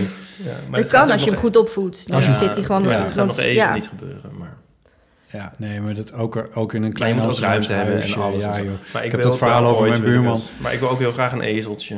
Ja, precies. Ja, ik wil ook een hangbuikzwijn. Er zijn, er zijn, ja.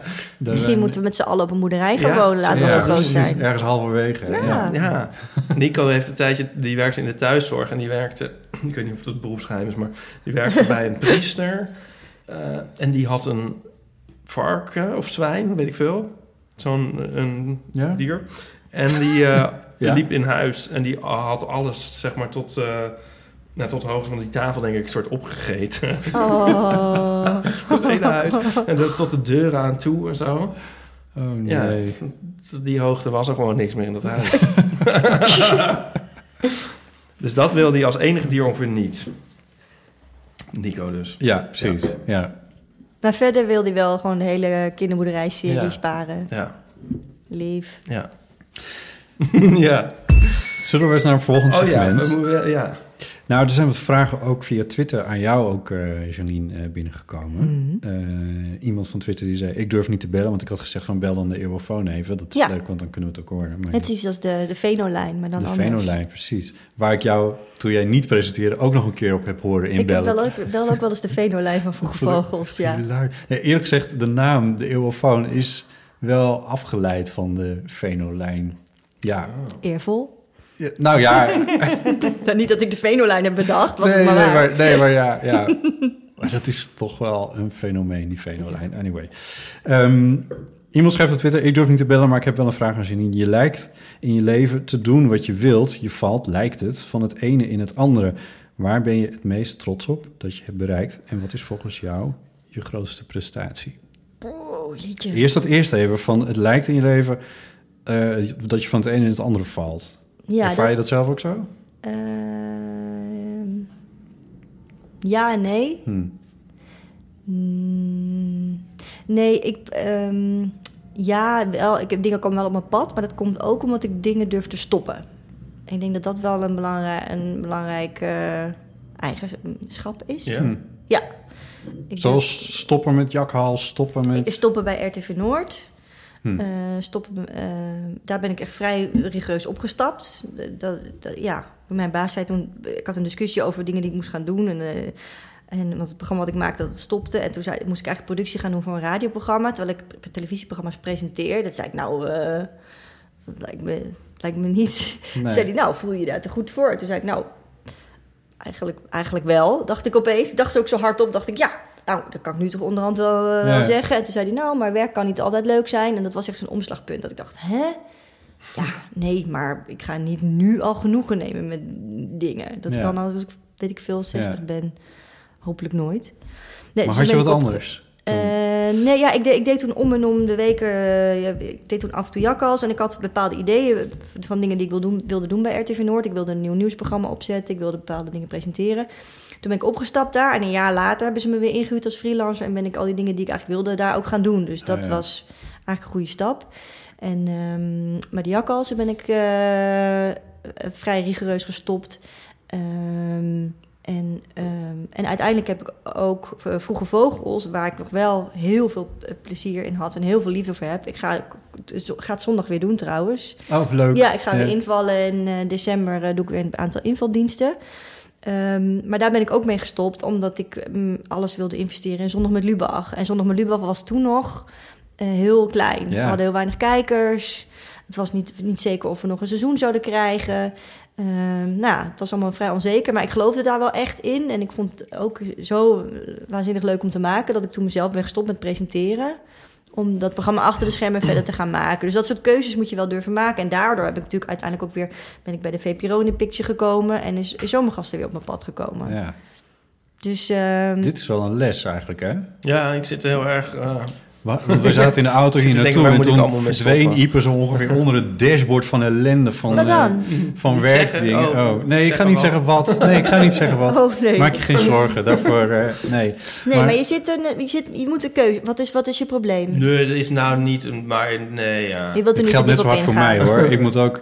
ik- ik- nu ik jou zo hoor, dit hoor zeggen, denk ik, oh, er zijn ook een paar momenten in mijn leven geweest waarop ik veel eerder eruit had moeten stappen. Maar Ja. weet je dat ik dat niet altijd durf? Dat ik dan bang ben dat het allemaal instort en helemaal helemaal ophoudt en niemand me meer wil hebben. Dat klopt. En dat is ook, eh, als je dat doet, dan heb je ook een paar nachten dat je nog precies wakker ligt met die gedachten. Maar alles komt altijd weer goed. Je weet dat je niet in de goot belandt. Dat is Waar haal je onzin. dat vertrouwen vandaan? Ja, dat weet ik. Nou, dat weet ik wel. Ja, ik heb drie eh, eh, vrienden in mijn omgeving eh, bij wie ik dingen eh, toets. En ook niet meer mensen. Als je te veel mensen gaat toetsen, dat zou, dat zou ik persoonlijk niet doen. Want dan hoor je veel te veel mensen die vanuit hun eigen referentiekader Ja. dingen advies eh, geven. Ehm, en als die zeggen van je moet het doen, dan, dan, dan vaar ik daar redelijk, redelijk blind op. Ik denk dat ik ook wel een opvoeding misschien heb gehad die me veel zelfvertrouwen... dat zal ook helpen. Me- toch mijn ouders ook die credits geven. Ehm, ja. Ja, op tijd stoppen met dingen. Ja, en ook dingen niet durven doen, inderdaad. Want ik, zomergasten kon ik alleen maar doen omdat ik had besloten om een hele zomer leeg te laten. Echt, dit- is zo'n bizar voorbeeld, maar ik zou eigenlijk weer, want ik had de zomer daarvoor Beastie Boys gemaakt. ja. Met Tim Eh, den Beste. En Tim eh, Beste en met. Nicolas Veul. Inderdaad, een superleuk kinderprogramma. En dat had ik ook, vond ik heel leuk om te doen. Maar ik vond het heel heftig om na, na Zondag met Lubach... in één keer een hele zomer door te stomen in een ander programma. En toen dacht ik van ja, als ik nou eens die hele zomer leeg laat... en dan misschien wat kleine project- projectjes... hopen dat er wat snabbels komen en kijken of dat ook lukt... En eh, in- dat geval was me, ik heb ook wel een soort Calvinistische vader die dan roept: Ben je gek, het Sibelië toch? En hoe kun je dat nou doen? En eh, ja, dus dat moet, dan moet ik wel echt wel standvastig zijn. En denken: Nee, ik ga gewoon. En toen werd ik gebeld voor zomergasten, bizar genoeg. En had ik inderdaad die hele zomer nog open. En dus ruimte om dat te Kan doen. je de hele zomer? Eh, ja hoor. Eh, ja. Ik zal even mijn agenda eh, kijken. Ja, ik- ja, ik geloof het wel. Ja. Ja. Oh, wauw, ja, ja. Ik Ja. ben in relaties minder goed eh, in. eh, Ik wou eigenlijk, dit wou ik net zeggen. stoppen. Ja. Als het toch. eh, Nee, maar het is wel grappig. mocht je Maar je dat afvragen? Nou, het is altijd moe- moeilijker te stoppen met dingen dan... En in relaties is het inderdaad Mhm. ook zo. Ja, maar in werk kan ik het wel.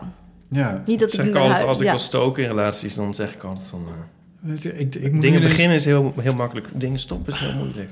Jullie waren met de Maar, hele... maar, maar denk je echt... Nee, je nee, bent eerst eruit- ik. Hm? Jij hebt... Nee, nee, Ik wil, ook, ik wil ook een wedervraag stellen, want dat Ja, kan gelukkig. Dit gaat nog over wat we het net over hadden. Jullie waren met de hele club, zo nog met Lubach Club, naar eh, de United Nates. De United States. Nee, dacht je dat? Ja, dat meen ik. Was het maar waar. Arjen vertelde bij Setmaier, daar zat hij, Ja, eh, over een vriendin die het... ik was daar. Ja, en Martine, zijn vriendin was Ja. er. Ja, En was jij degene waar hij het over had, die het, die het uitmaakte op het Empire State of wat was het? ja. Ik, eh, ja. Want Ja. jij had een relatie met Arjen. Moeten we Is. daar... eh, Nee, helemaal niet. Maar oh, ik bedoel, God. je, je zei net van ik ben slecht in het uitmaken. Toen dacht ik, ja, jullie, Oh, ja. Arjen had het verteld alsof jullie speciaal op jouw verzoek Oh, shit. naar de Empire State Building waren gegaan om het uit te... Ja, sorry, ik knop Ja. gewoon twee dingen aan elkaar. Ja, wauw. Ja. ja, nee, daar kom ik niet onderuit. Eh, nee, dat dat lijkt me wel een vrij harde, mo- moeilijke manier om dingen uit te stoppen, inderdaad. En dan helemaal naar, de, naar New York te Ja, maar toen- vliegen. eigenlijk was het al uit, toch? Toen zijn ze er nog heen Nou, ja, om klopt. het Nee, spreken. we- we- Het was onduidelijk of het wat was. Dat Iedereen weet het nu. Het is ook zo. het ook zelf nee, maar het is ook een leuk verhaal, omdat het over met de, met die, want dat is, dat is het verhaal, is echt waar. Nee, maar wij hadden gewoon een, eh, een soort ontspoorde vriendschap. We hadden natuurlijk ook dat hitje gehad en Ja. daarna, en dat sukkelde zo. En, en, en, en, en dat werkte eigenlijk niet, maar ik, ik probeerde het wel heel hard. En het was een beetje trekken aan een dood paard. En, en eigenlijk waren wij veel beter als vrienden. Dat En- zei Arjen ook bij, eh, Ja. bij Setmar. Ja. En toen Ja. eh, we zouden, oh, hij zei natuurlijk, we zijn naar, naar, naar New York gegaan om, maar we zouden eigenlijk al naar, eh, naar, naar Canada gaan, want daar woont zijn vader een groot deel van het jaar. En, eh, en dan zouden we nog een uitstapje maken naar New York. En Robert Blokland, het thema van deze uitzending. Die moet ook een eigen tune onderhand. Ja. Nou ja. Ik kan wel eens een keer Robert komen. Blokland had zijn vriend ten huwelijk gevraagd, of andersom, eh, hou me te goede. Op het Empire State Building. Dus ik, ik- en dat is natuurlijk een cliché plek om iemand ten huwelijk te vragen. Dus ik zei tegen Arjen: Weet je wat, als wij naar New York gaan, dan gaan we naar het Empire State Building. En daar vragen mensen altijd: Hoe dan ga ik het daar uitmaken? en hij moest heel hard lachen. Hij zegt: Nou, ik vind het een top idee, dat gaan we doen. Dus toen waren we in New York en toen stonden we inderdaad in de rij voor het Empire State Building. En die rij was fucking lang. En toen, na een paar minuten zei Arjen... Ja, ik vind alles eh, leuk en aardig, maar ik ga niet in de rij staan om een relatie te verbreken.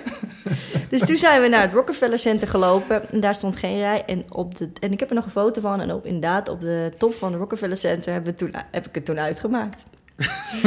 Die foto die komt in de show notes. Nee, die foto komt zeker Eh, sorry, niet. ze hebben niet net een keer over begrepen. Maar goed, je zei van, ik vind... het is een goed verhaal. Ja, het is zeker En het is inderdaad, ik vind het eh, vooral voor- de, voor, nou ja, de vriendin van Arjen, die, zal het echt, die zit daar totaal niet mee. En mijn eigen vriend, die verstaat geen Nederlands, dus dat is een groot, groot voordeel. Maar ik denk heel vaak, jeetje, altijd die mensen, weet je, dat je zo iemand bent die altijd over zijn ex, wordt gedwongen om over zijn ex te praten. Terwijl Ja. aan de andere kant, we werken samen. Ja. Het is mijn beste vriend, dus het is ook logisch. Maar, maar dit is gewoon een leuke anekdote, dus eh, Ja. dat vind ik prima. Ja.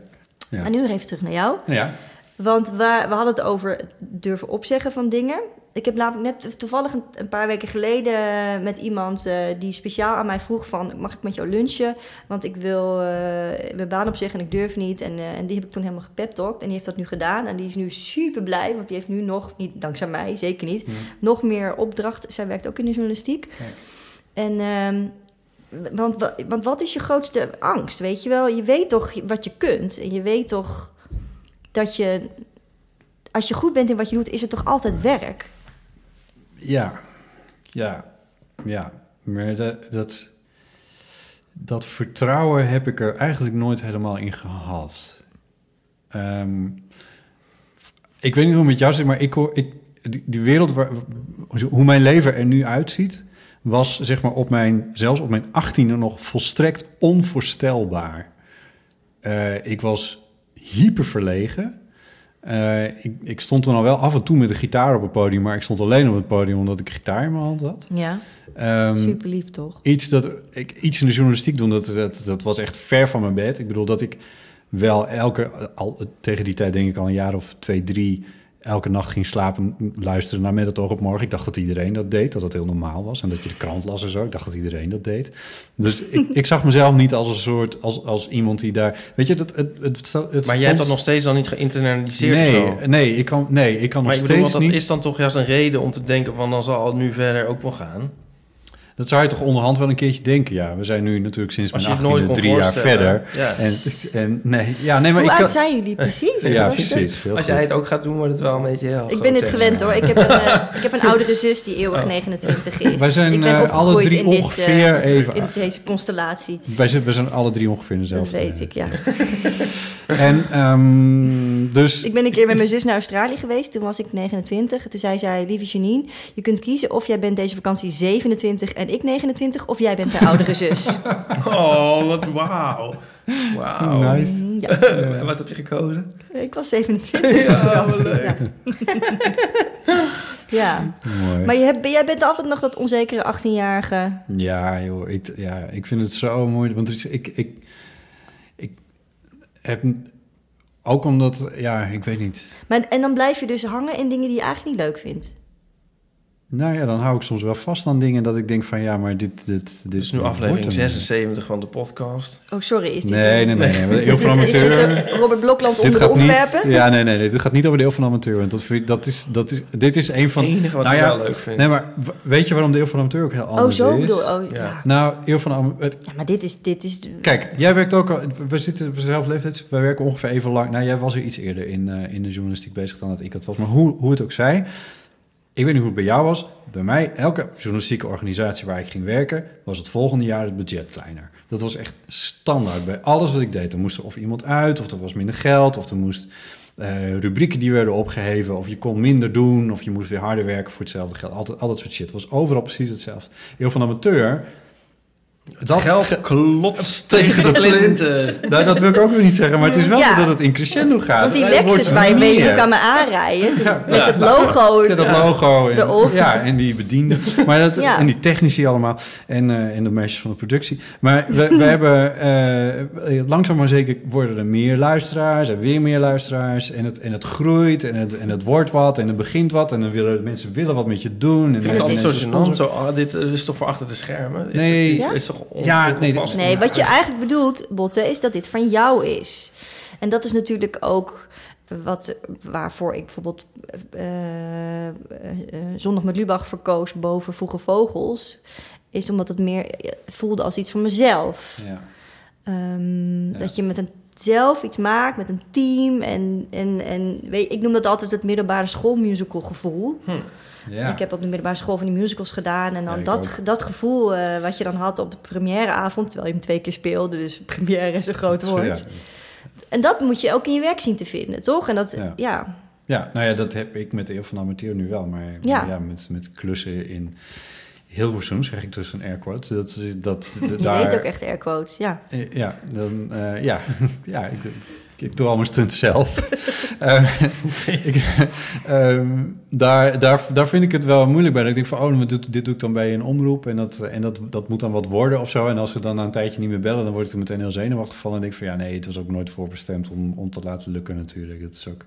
Dat, zo kan dat niet zijn. Dus ik, ik vind het dus moeilijk om dan zelf ook een punt achter dingen te zetten... die, niet, die, die dan bijvoorbeeld met minder budget moeten... of inderdaad wat je net zegt, wat je bij eh Edwin Noord hebt ervaren. Dat is precies zo, dat soort momenten heb ik ook wel gehad.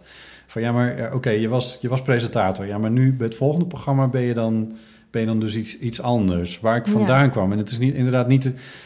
dat gevoel wat jij ook had van kijk ik dan dan op, op dat werk neer. Nee, dat is, het is voor mij een stap terug om dat Ja. te doen. Het is niet dat ik het, dat, dat ik het stom... Het, het, zeker nog, het is heel goed. Maar iemand anders moet dit nu doen... die ook die, datzelfde pad gaat bewandelen. Daarom wil ik het niet meer doen.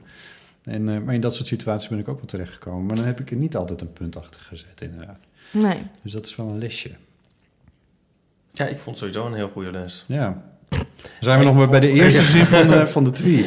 Want het tweede deel was van waar ben je het meest trots op? Oh, ik moet zeggen, je houdt niet een tijd in de gaten ondertussen. Nou, of zo, een klein beetje. Hier eh, staat- maar je staat- gaat ook nog monteren, hè? Een klein beetje, eh. ja. Ik knip er hele stukken uit. Man. Ehm, waar ben je het meest trots op dat je hebt bereikt? Dat je dat, je dat hebt bereikt? En wat is volgens jou je grootste prestatie? Dat is ook alsof er allerlei andere mensen al hebben beoordeeld wat mijn grootste prestatie eh, Ja, precies. Is. Ja. Ja. Ik ben zo blij dat ik geen kinderen heb, want dan zou ik nu moeten zeggen: mijn kinderen. Oh ja. ja, ja.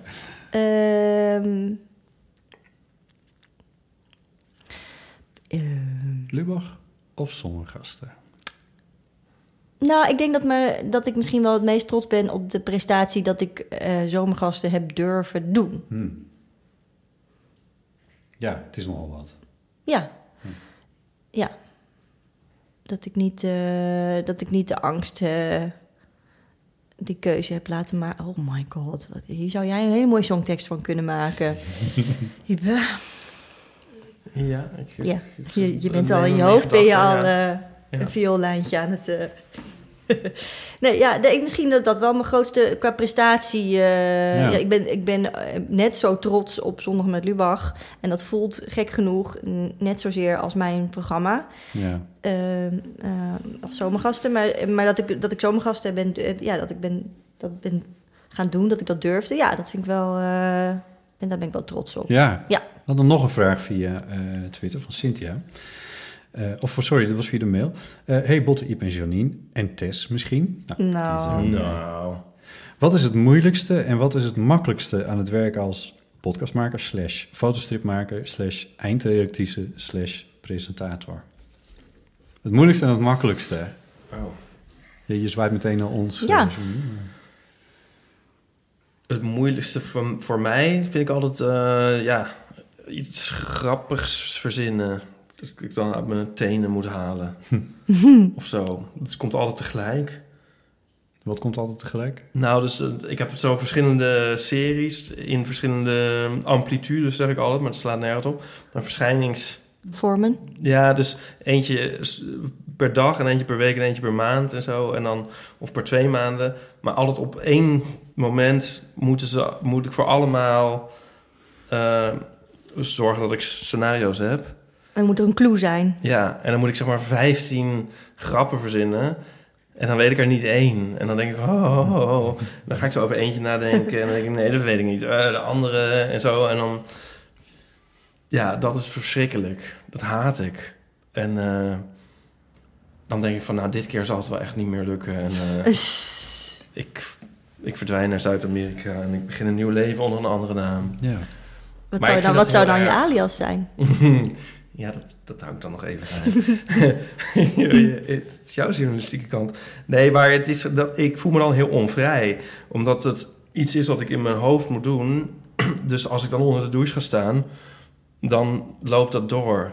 En zeg maar, als ik naar bed ga en zo, en het is eigenlijk het enige is helpt, is dan slapen. Dan kan ik het pas uitzetten. Maar dat blijft, dat achtervolgt je dan. Je kan gewoon niet. Nee. Snap je? Dat neemt je helemaal over. Dat is gewoon heel irritant. Maar je kunt wel slapen. Ja, dat wel. Nou, dat is eh, Ja. al heel fijn. Ja. Iets om dankbaar voor te zijn. Want stel je voor dat je ook nog de hele nacht lag door te malen. Ja, en wat, wat ik dan ook heel vaak denk als dwangneurotische gedachte is van... als ik nu iets grappigs weet, dan, is het, dan ben ik er vanaf. Dat is met één grapje. Want soms doe, doe ik wel eens een hele dag over het bedenken van een grap... en dan denk ik van, dat had niet gehoeven als ik meteen een grap had bedacht. maar dan zo had ik iets het anders niet. kunnen gaan doen. Ja. Ja. maar dat is... eh, ja, nou ja, goed. Maar dit is allemaal een beetje ook raar zelfbeklag... maar ik vind dat heel irritant. Dan zou ik gewoon heel graag... Ja, Ja, je zou, doen. het grappige is dat je, de wens die je uitspreekt, is dat je de routine in zou krijgen, terwijl je een creatief beroep hebt. Dus dat gaat nooit gebeuren. Dus leg je er wanneer? Ja, ja, maar er zijn dus wel... Soms dienen grappen zich zomaar aan. Ja, Ook heel vaak precies daarna of zo. En dan schrijf ik ze ook wel op en dan is het voor de keer daarna. Maar er zijn denk ik zoiets van, van ja, zes keer in het jaar of zo. Dan is er echt zo'n fase dat ik denk... Oh my god, nu weet ik het echt niet. En ik wil dit gewoon niet. En, eh, maar als het dan weer bij- voorbij is, is het altijd... Dan vergeet ik het ook vrij snel. En dan wordt het wel weer leuk. En wat is het makkelijkst? Het makkelijkste is als ik dan... Van mensen bij elkaar krijgen is ook vaak gezeik. Van eh, dat niemand kan, weet je wel. Ja, je acteurs. ja. Of dan heb ik een grap verzonnen, god beter het over... Dat heb ik al een soort zelfcensuur op, maar over een brandweerwagen. En dan denk ik, ja, hoe kom ik nou bij een brandweerwagen? Dus dat kan dan ook al niet. Maar goed, om het allemaal dan te regelen is heel veel gedoe. Maar dan, het fotograferen is al wel oké. Dat gaat dan nog meestal wel. Maar het mooiste is als je dan uiteindelijk op de computer het materiaal hebt. Dan is het leuke. Dan kan het niet meer... Dan weet ik al van, het is wel goed. En Hoef je het alleen eh, nog maar te doen. dan kan het Ja. niet meer mislukken. Ja. ja, en dan kan ik muziek opzetten en kan mijn verstand op nul. Photoshop aan. Ja, en dan kan ik lekker zo heerlijk zo... eh, ja, ik doe nu zo, maar dat staat nergens op. Ik zit dan klik, klik. Ik zit dan trouwens altijd helemaal zo. Ik ga altijd Je zit nu als een soort Quasimodo. Ja. Zit je nu. Als Stephen Hawking denk ik altijd ga ik zitten na een tijdje. Denk ik, Wa- waarom heb je nu je, je, Ja, zo- klemt zo nu- zit ik. je klemt nu je wang tegen Ja, je schouder? ik. Waarom? ja, ik zit altijd zo en dan Heb denk je ik... een diepgravende RSI-wens? Ja, nee, ja, ja, ja. Maar dan zit ik zo. Het is trouwens ook niet eens waar, want ik zie, ik zie jou tegenwoordig wel eens... Ik zit, ik zit zo, ik zit altijd met mijn benen over elkaar. Zo. En dan soms doe ik dan nog mijn voet nog daarachter. En dan zit ik zo. Ja, vreselijk. Nou, Ja, het is wel een basis voor rugklachten. Nachtmerrie voor iedere Ja. arboarts. Maar goed, dat is het leuke. Ja, dat is het makkelijke. Ja. Eh, maar verder is het een heel leuk beroep. ja, kan het iedereen aanraden. Ja. En voor jou, wat is het, wat is het moeilijkste? En eh, ja, dit, het, aan- aan twee jouwen eigenlijk, als eindredacteur en als presentator. Oh ja, maar dan zou ik eh, vier antwoorden moeten geven. Dat is Nou ja, misschien nou, eh, een beetje lelijk. Eh, laat ik het bij het eindredacteurschap eh, houden in dit geval. Ehm, ik moet wel heel lang nadenken over, over dit antwoord, denk ik. Jeetje, wat vind ik het moeilijkst? Ehm, eh, ja, ik vond eh, in het begin, en nu gaat het makkelijker... Ik, vond, ik heb in het begin heel erg moeten wennen aan leiding geven. En dat had ik nog niet eerder gedaan.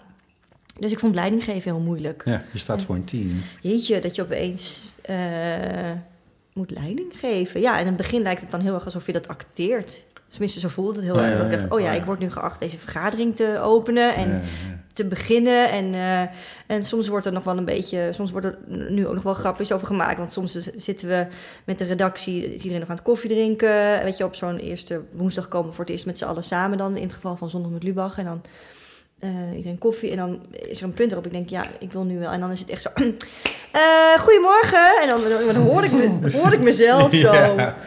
Aangaan. En Ja. ik weet ook, want het zijn allemaal woest slimme mensen. En ik weet ook dat zij dat ook horen. Ja. Maar dat geeft, het is ook weer niet erg. Maar, Nee. maar ik word ook wel eens nagedaan daar, daar weet je. En, en dat is ja. ook niet erg. Ja. Ehm, leiding geven vond ik heel moeilijk. En dat, gaat, dat moet je leren gaandeweg. Ehm en wat er makkelijk aan is... eh, is dat... eh, het makkelijke aan werken bij Zondag met Lubach... is dat het allemaal gelijkgestemde mensen zijn... die elkaar eh, soms zelfs zonder woorden al snappen. Dat we, als we in een groep zitten, dat er, en er is een onderwerp, dat er al tien grappen zijn die niet gemaakt worden, want die heeft iedereen al in zijn hoofd. En dat dan pas de grap die wel hardop gezegd wordt, is, iemand, is een grap die niemand zou hebben bedacht. Is- Ja. net iets te veel wijn op, denk ik. Maar snap je wat ik bedoel? ja. Ja. Dus het is nooit zo dat je denkt van, ja, nee, dat eh, zou, weet je wel, dat je Ja. denkt, oh ja, dat Even vindt nog- iedereen. En dat vind ik, dat is er fantastisch aan. Je zegt eh, gelijkgestemd, maar net voordat de microfoon aanging, eh legde je aan mij nog even uit dat de redactie wel heel verschillende mensen bevat. Dus het gelijkgestemde zit meer op een... Op humorniveau. Ja, op humorniveau, ja. Ja. dat niet, niet zozeer op, op hoe men tegen de wereld aankijkt. Of, Oh, of totaal niet. Nee, Nee. nee. dit is, het is rechts, het is links, het is... eh, de hond gaat nu water drinken. Dus ik weet niet of je dat hoort, maar... Ik hou mijn microfoon er wel even bij. Over het algemeen proberen we smakgeluiden te voorkomen. We krijgen er klachten over. maar oh, van Tess, brokjes eten. maar van Tess, van Tess accepteer ik het zeker. Dus Ze durft ze niet daar op te eten. Dus ze gaat hier lopen crunchen. Oh, ja. Hier lopen crunchen met je brokjes. Ja.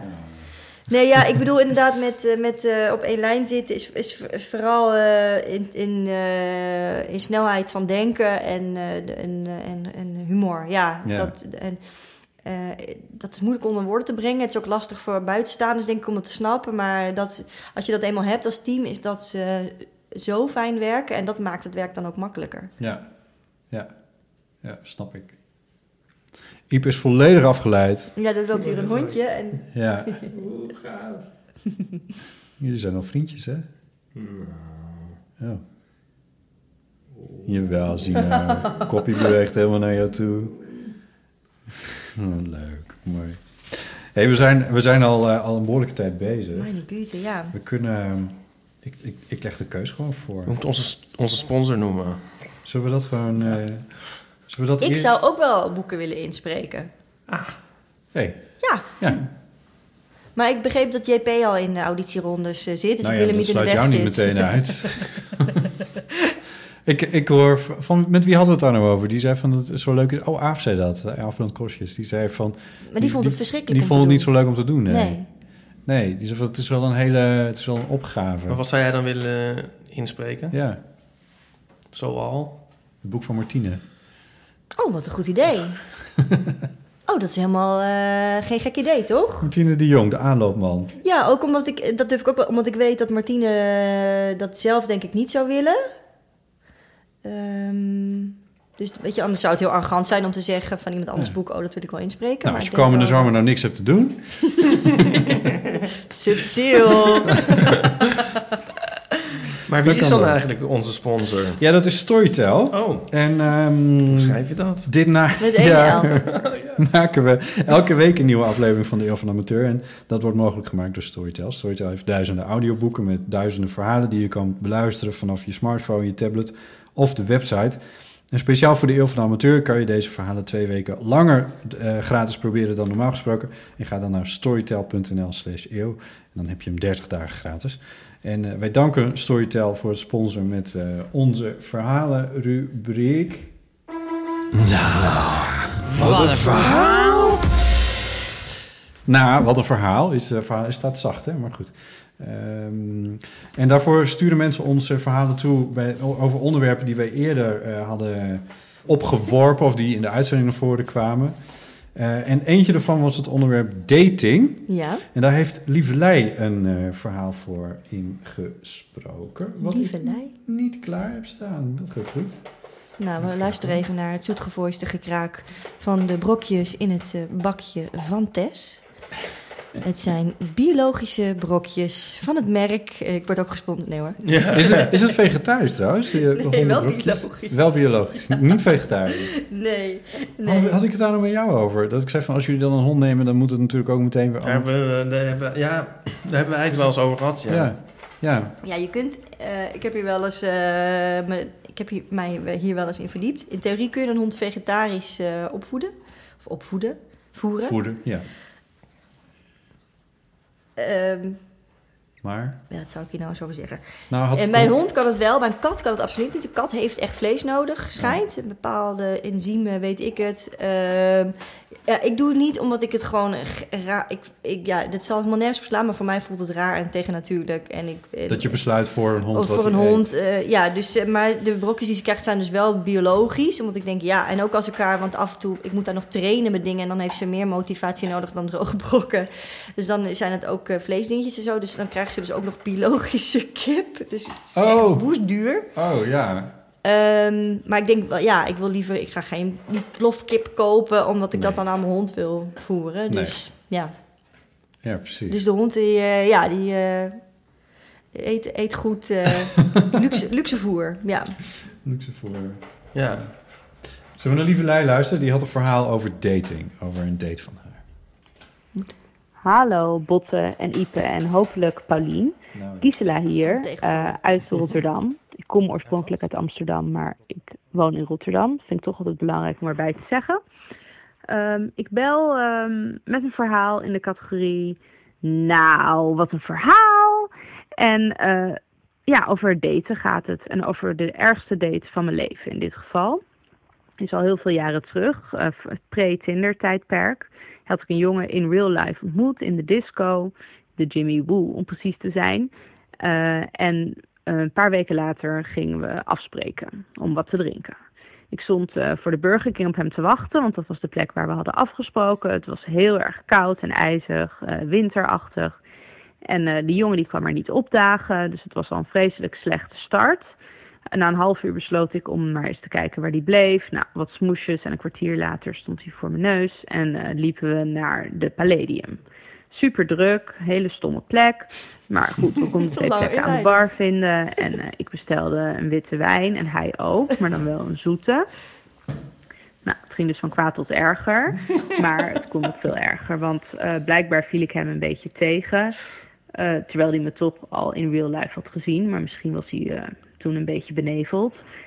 Dus hij zei, jeetje, je ziet er wel anders uit. Wat heb je rare schoenen aan? Ik had fans aan. Die waren toen hartstikke in. Ehm, ja, je had eh, toen ik je die andere keer zag leuke hakken aan en je was mooi opgemaakt en zo. En hij kon er ook al helemaal niet over uit dat ik kort haar had. Dat vond hij helemaal niet vrouwelijk. En eh, hij begreep niet waarom vrouwen ooit eh, hun haar kort zouden knippen. En zijn zus had dat ook gedaan. En dat vond hij echt super raar. Nou, zo kabbelde het gesprek een beetje voort. Dus op een gegeven moment liep het wel een beetje ten eind. En toen zei hij ook nog, ja, heb je het wel naar je zin? Want eh, je moet het echt gewoon eerlijk zeggen hoor. Eh, anders, eh, wie weet, zit ik al heel de avond met de dame achter jou te flirten. Nou, eh, laat maar zitten. Eh, ergste date van mijn leven, nooit meer gezien. Fijne uitzending nog. Doei! Doeg, lieve Lei, dankjewel. Ja, Ik dacht even dat het erheen ging dat, dat, dat, dat, dat ze het helemaal niet was, zeg maar. Ik vond dit nog wel meevallen. Ik- Toch? als Lijkt iemand, erger, als iemand ja. met je aan de bar zit en die zegt op een gegeven moment... heb je het wel leuk, want misschien zit ik wel te flirten met degene die achter je zit. Dat vind ik toch wel vrij heftig. Ja, maar... Maar zo zijn eh, mannen. Ik heb het wel erger meegemaakt. Ja. eh. Oh ja? Vertel. nou ja, nee, niet, ik moet er even over nadenken. Welke Van de anekdote... Welk, je, je hebt dat uit te kiezen ook nog. Oh nee. Nee, moet ik even nadenken. Maar. Nou ja, ik zit nu ook. Ik, ik heb ook nog zo'n Rolodex van verhalen van vriendinnen natuurlijk in mijn hoofd. Zo'n hele Oh ja. erge dates en. eh, nou. Jeetje. Ik, ik voel me heel erg voor het blok gezet. Ja. Nou ja, ik weet bijvoorbeeld... Ik, een, een- weet, mijn zus heeft een keer eh, lang geleden een date gehad met een man... die, die ook van, van tevoren had gezegd dat hij een heel humorvol persoon was. En die dus de hele tijd hele slechte grappen maakt. En na iedere grap zei... Nee, maar het gras maar een wapje. Oh, die. Elke keer weer. Nou ja, weet je... Dat is één keer leuk inderdaad. Maar... Nee, dus ook één keer is het ook niet Nee, leuk. misschien ook niet leuk. Nee, het gras maar een wapje. Ik weet het nog goed. Ja, Ja, dat is al, houd toch alles op, ja. Ja, dat, Doe mij aan een bepaalde date denken, maar ik, eh, ja. Maar weet jij... Oh, Kom ja, op, voor de dat- draad. Ja. dit is een tip geworden. speel de beans. Oh, ja. Oh, dit is zo erg. Maar die date was al in een iets verder stadium. Ik weet, kan ik dit... Ja, al natuurlijk. Ja, er is komt- erg. niks is ook aan. gelijk een soort half grafisch. Maar er was een jongen en daar was ik mee al in bed. Maar toen zei hij... Heb jij een regenjasje?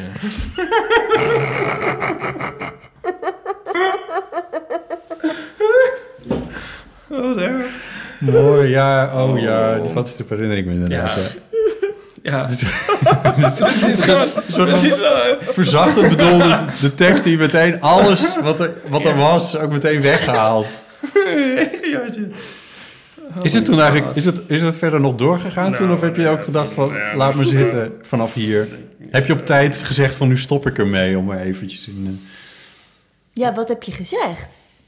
Nou, ik, Eerst wist je niet wat hij bedoelde. ik dacht ook meteen, dit is een strip. Dat is ook weer zo stom. Zo vanuit. dat, maar ik... Uit de categorie Ja, maar- beroepsdeformatie in bed. Ja, dat Ja. Is, eh, gaat wel ver, ja. Maar het is gewoon een woord waarbij iemand voor mij gewoon helemaal afvalt. Met gewoon één woord. Ja, ja. dat snap ik wel. Dat is gewoon heel stom. Ja, Ja, maar dat... Ja, net als met het gras maar een wapje. Want ik het dit is een van de... heel verschrikkelijk is. Maar dan lig je er misschien nog niet mee in bed. Maar ik lag er allemaal mee in bed. Maar ik dacht wel van, dit ik moet wel nu zorgen dat dit weer helemaal weer stopt. ja. dat is wel vrij erg, ja. Ik heb mijn ergste date... die heb ik een keer verteld bij, eh, bij Echt Gebeurd. Oh ja. Ken ik.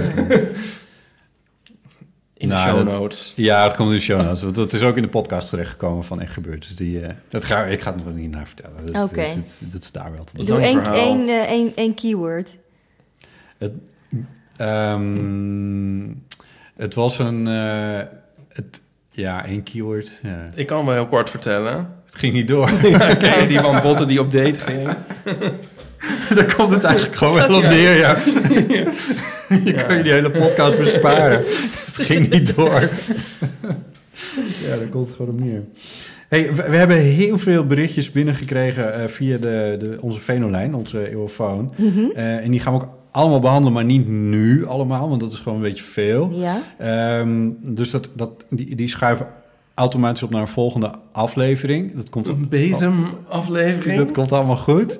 Oké, Ehm, dus je hebt een soort compilatieshow aan het eind van 2018. Ja, en, en ja, zoiets Ja. Waar, waarin we alle... Ja, dat is eigenlijk wel een goede jaar, waar we, waar we, het- waar we ook wat dingen afronden misschien. Ja. Waar we wat eh, onderwerpen... Open eindjes. Ja, wat dingen die er nog liggen inderdaad. ja. Ja, misschien moeten we dat doen. Maar dat is in ieder geval ehm één verhaal wat, ik, wat me wel heel leuk lijkt om, om nu even te laten horen... wat iemand ons heeft eh, voorgelegd. En nou, het wordt eigenlijk al goed genoeg eh, uitgelegd. Dus eh, laten we even luisteren naar wat Carla ons voorlegt en vertelt. Hey, hallo, Ipe, Botte en misschien gast.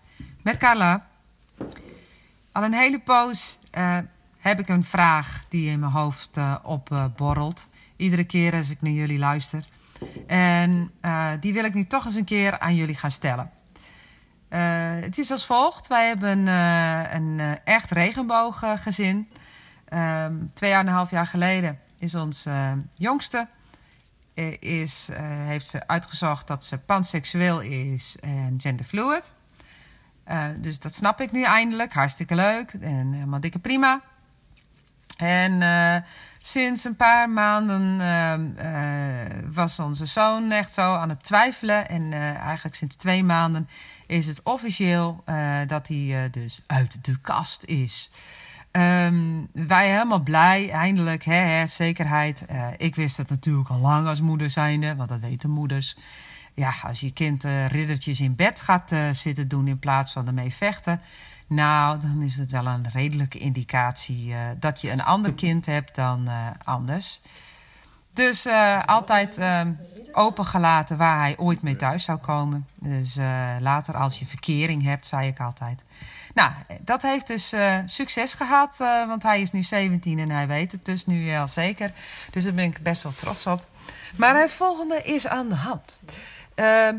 Meneer heeft namelijk eh, eh, zijn eh, genus behoorlijk eh, ontdekt. En het is de hele dag door. Oeh, wat zit mijn haar leuk. Oh, en deze gel die, is veel beter dan die andere gel. Oh, en ik moet toch echt een andere bril, want dat kan toch zo niet meer. Oh, en ik wil die trui, want dat is mooi met regenboog. En ik wil ook regenboogsokken, want het matcht ook mooi bij elkaar. En nou ja, zo. Dus de hele godganse dag door. Ik begin er helemaal turelust van te worden. Maar goed, nu is mijn vraag. Gaat dat weer over? Is het een eh, eh, vleugeltjes die hij nu krijgt, dat hij nu eh, kan zijn wie hij is, eh, dat hij zich even helemaal, eh, ja, zeg maar, idioot uit? Is het overdreven? Of moet ik er toch als moeder zijnde rekening mee houden dat het nu gewoon altijd voor de rest van mijn leven en zijn leven zo zal blijven? Dus, dat was eigenlijk mijn vraag. Ik ben heel benieuwd naar jullie antwoord. Dankjewel alvast. Doei! Doei, dankjewel Carla eh, voor het inspreken van deze vraag. Zij is bang dat het nooit meer overgaat. En het nadoen van je zoon. Het is ook wel een beetje een, een thema in onze eh, podcast aan het worden. Ik doe wel eens Moeders mijn die nadoen. ongeluk. Ja. Jij wil iets zeggen, Janine? Ik steek mijn vinger op. Ja. Ik heb één vraag. Ik durf bijna niet hardop te zeggen. Ik weet niet wat panseksueel is. Ik ook niet. Oh, gelukkig. ik dacht dat ik iets heel doms niet... Oh. Nee. ehm, nee Zal ik het opzoeken ondertussen? Ja, want weet je wat het is? Ik denk dat ik het weet, Mhm. maar ik durf het niet uit te spreken. Omdat ik weet dat het voor sommige mensen heel gevoelig ligt. Laten we dan de goede definitie geven. Dus dat gaat Ipe nu Ja, eventjes... eh, dat komt dan van... ondertussen eh, ja. Ja. Waar, waarvan komt dat dan? Nou, je bent het nu aan het eh, googelen. Jawel, maar ik bedoel... eh, de eerste hit is... eh panseksualiteit op Wikipedia. Zal ik dat voorlezen? Ja. Seksuele, romantische of emotionele aantrekking... of het verlangen naar personen van alle genderidentiteiten en biologische geslachten. Does that make sense? En wat is dan het verschil tussen panseksualiteit en biseksualiteit? Goeie vraag. Ehm, omdat, voor zover ik weet, eh, Mhm. biseksuele... Oh, hier. Panseksualiteit omvat bij gevolg alle soorten seksualiteit tussen meerderjarigen, heteroseksualiteit, homoseksualiteit, biseksualiteit en aantrekking tot transgender en genderqueer personen. Oh, dat was het. En parafilie valt er niet onder, maar wat dat is, weet ik ook Weet niet. ook weer niet. Jeetje. Voor panseksuelen bepaalt gender of seks dus niet of zij zich tot iemand aangetrokken voelen. In die zin zijn panseksuelen genderblind. Ja, dat Oh is ja. volgens mij wel een belangrijke. Want dat is het verschil dan ook met biseksuelen. Die vallen dan dus en op mannen en op vrouwen. Ja. Heel specifiek. Panseksualiteit verwerpt bovendien bewust de seksenbinariteit. Daarin verschilt panseksualiteit van biseksualiteit.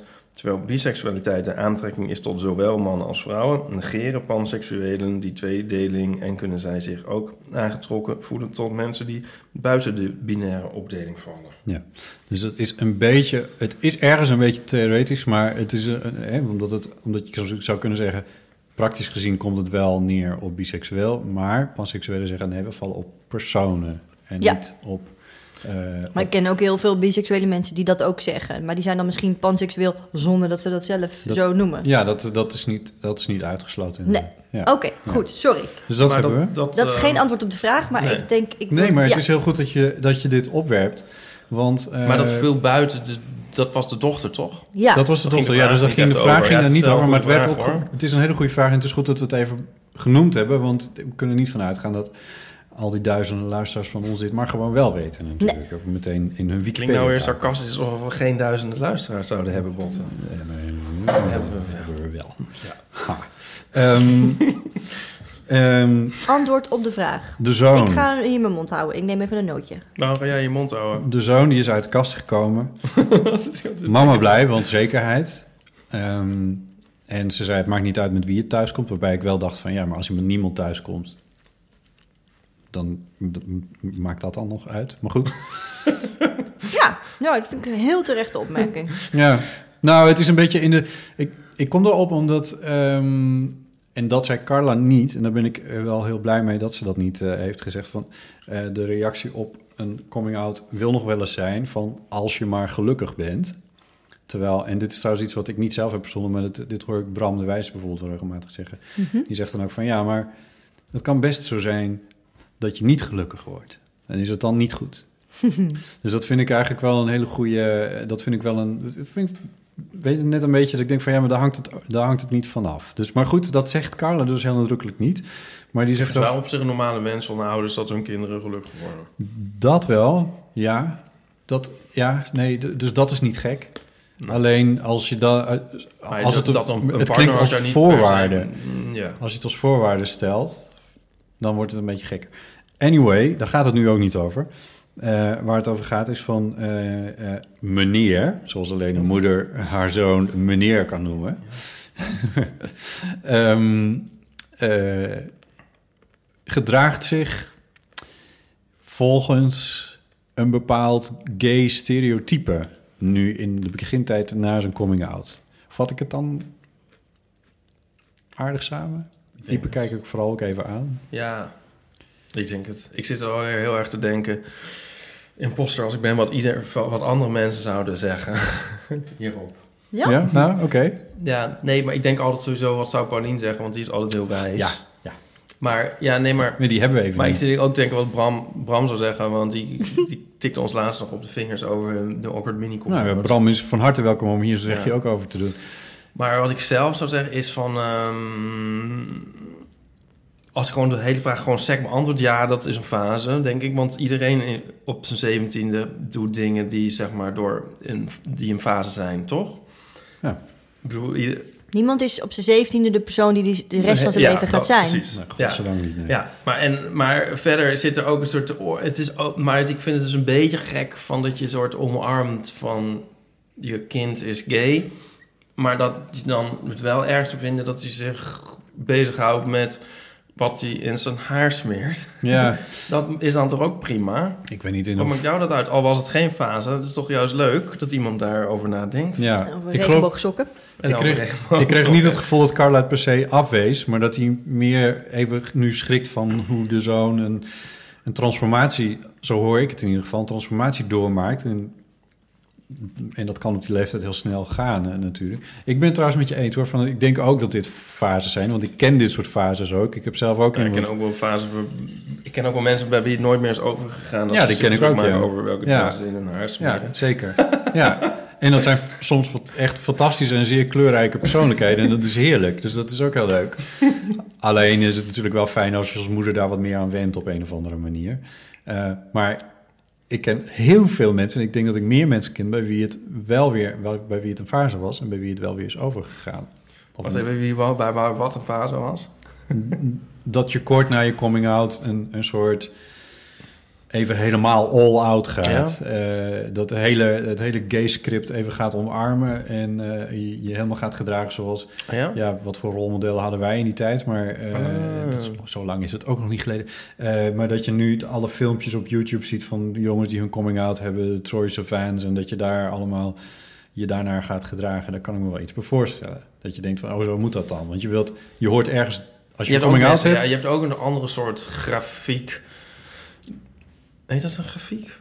Ehm, dat, dat je dus juist door heel schoorvoetend eraan begint. En Ja, ja, ja, dat kan ook. Ja. Maar de, Daar eh, zit jij in. De, ja, dat is, dat is was bij mij meer aan de hand. Maar mensen die, die dan ineens zo'n coming-out hebben en zo... Die, kijk, ze, die, die sluiten daarmee ook iets af. Ze horen ergens in, Ja. niet meer bij. En dan zetten ze zich ook te tegen af. En, Ja. en beginnen aan In die zin valt het wel toe te jagen. Oh, ja, zeker. Ja, eh, sterker nog, ontdek dat vooral. En probeer uit te vogelen of dat bij je past. Maar het is wat Janine zegt, van niemand is op zijn zeventiende... wat hij de rest van zijn leven is, godzijdank. En ik heb ook niet meer de regenboog... eh, ja, ik heb nog, ik toevallig wel regenboogsokken. Maar goed, ik had de, de kleren die ik op mijn zeventiende had... Die, heb ik, die zou ik nu ook zeker niet meer dragen. Dus dat, dat, dat zal ook wel weer loslopen. Ja, ik weet niet, het klinkt ook een klein beetje als een jongen van 17... die uit de kast is gekomen. Wat het is... Eh, en wat nog een bepaalde volwassenheid moet krijgen of zo.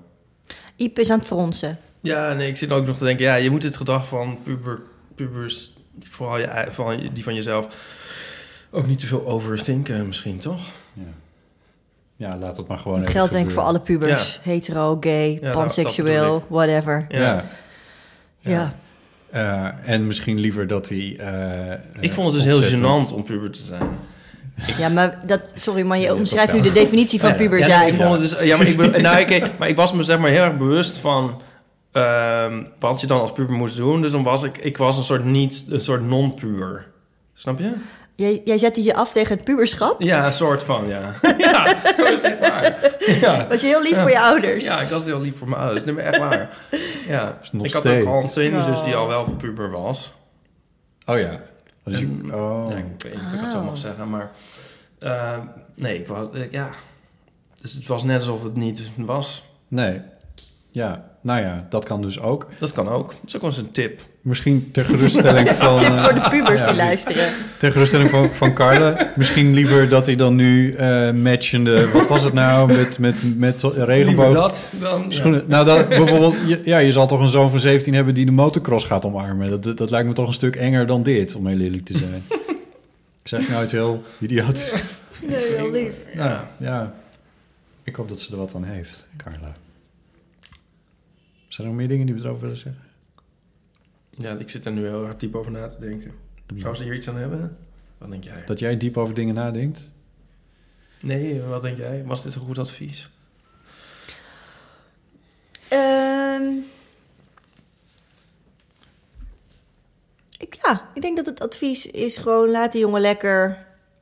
En niemand is op zijn zeventiende al wie die de rest van zijn leven Nee. gaat zijn, toch? Ik weet niet Misschien- wat, hoe misschien moet Carla ook even terugdenken aan hoe ze zelf was op haar Ja. zeventiende. Ja, dat. Maar weet En je wat- dan weten, oh ja, toen had ik een permanent. Eh, ik had beenwarmers.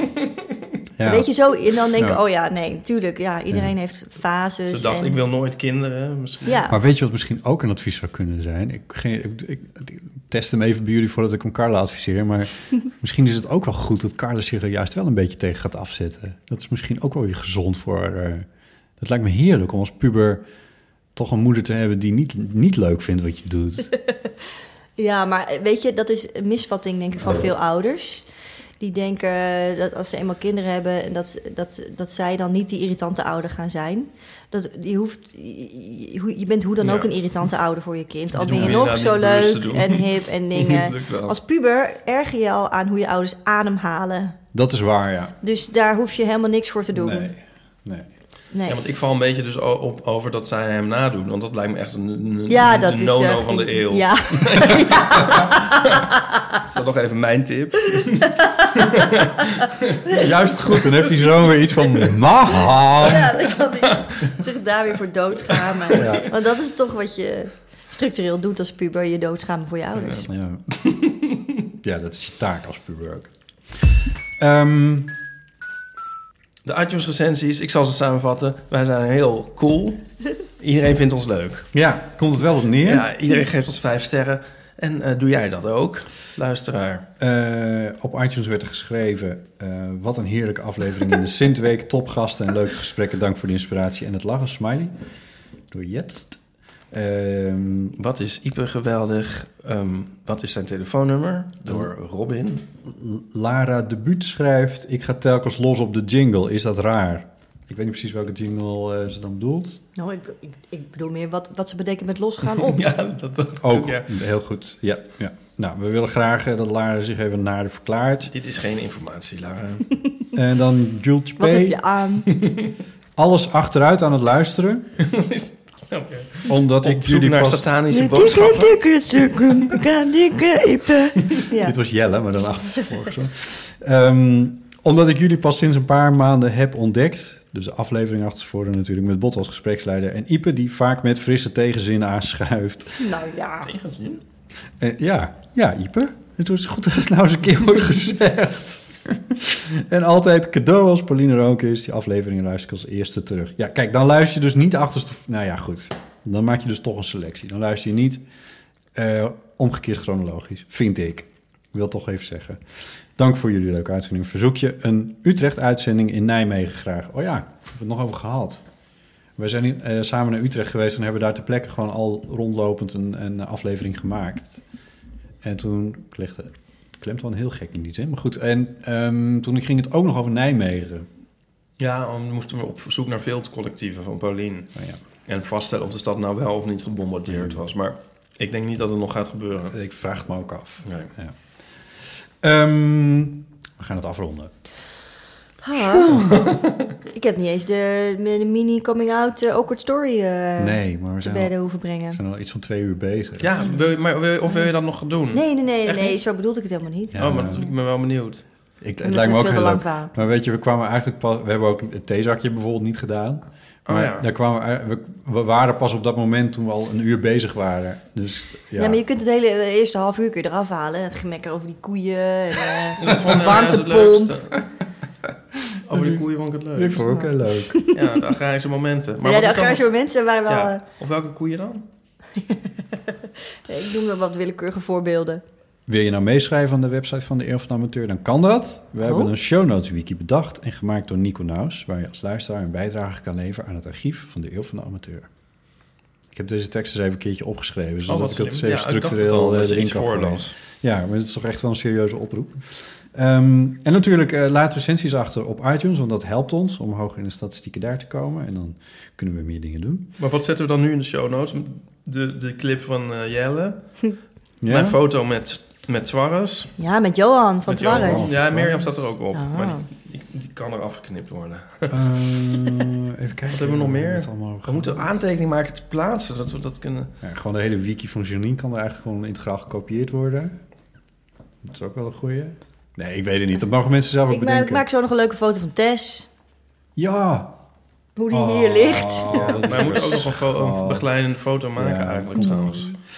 Ehm, als mensen jou willen volgen, vind je, het- zullen we zeggen dat, dat, hoe je op Twitter heet? Dus dat vind je dat fijn om daar... Ja, dat is prima. Eh, Janine Abring gewoon eigenlijk. Ja, dubbel B. Peters heet Janine op Twitter. Ja. Janine met de I en E en Abring met dubbel B. Ja. Ehm, Janine, eh, Janine eh, is dat. Ehm, natuurlijk, verhalen en dilemma's voor de eeuwofoon zijn we van harte welkom. Het telefoonnummer daarvan is 06 1990, 68. 71. Kijk. Maar u kunt ook de plaatselijke politie bellen. Dat is, ook een, gra- dat is ons eh, het gras maar een wapje eh, moment. Kom je nooit meer vanaf. Verschrikkelijk. Oh, dat is echt zoiets dat je, dat je gaat zeggen. Zo van, ik ga iets verschrikkelijks zeggen voor de grap, om heel vreselijk te zijn. En dan voor je het weet, dan zeg je het de hele tijd. Toch? En dan zit je een half jaar daar vast. Dat is wel waar, ja. Oh, man, man.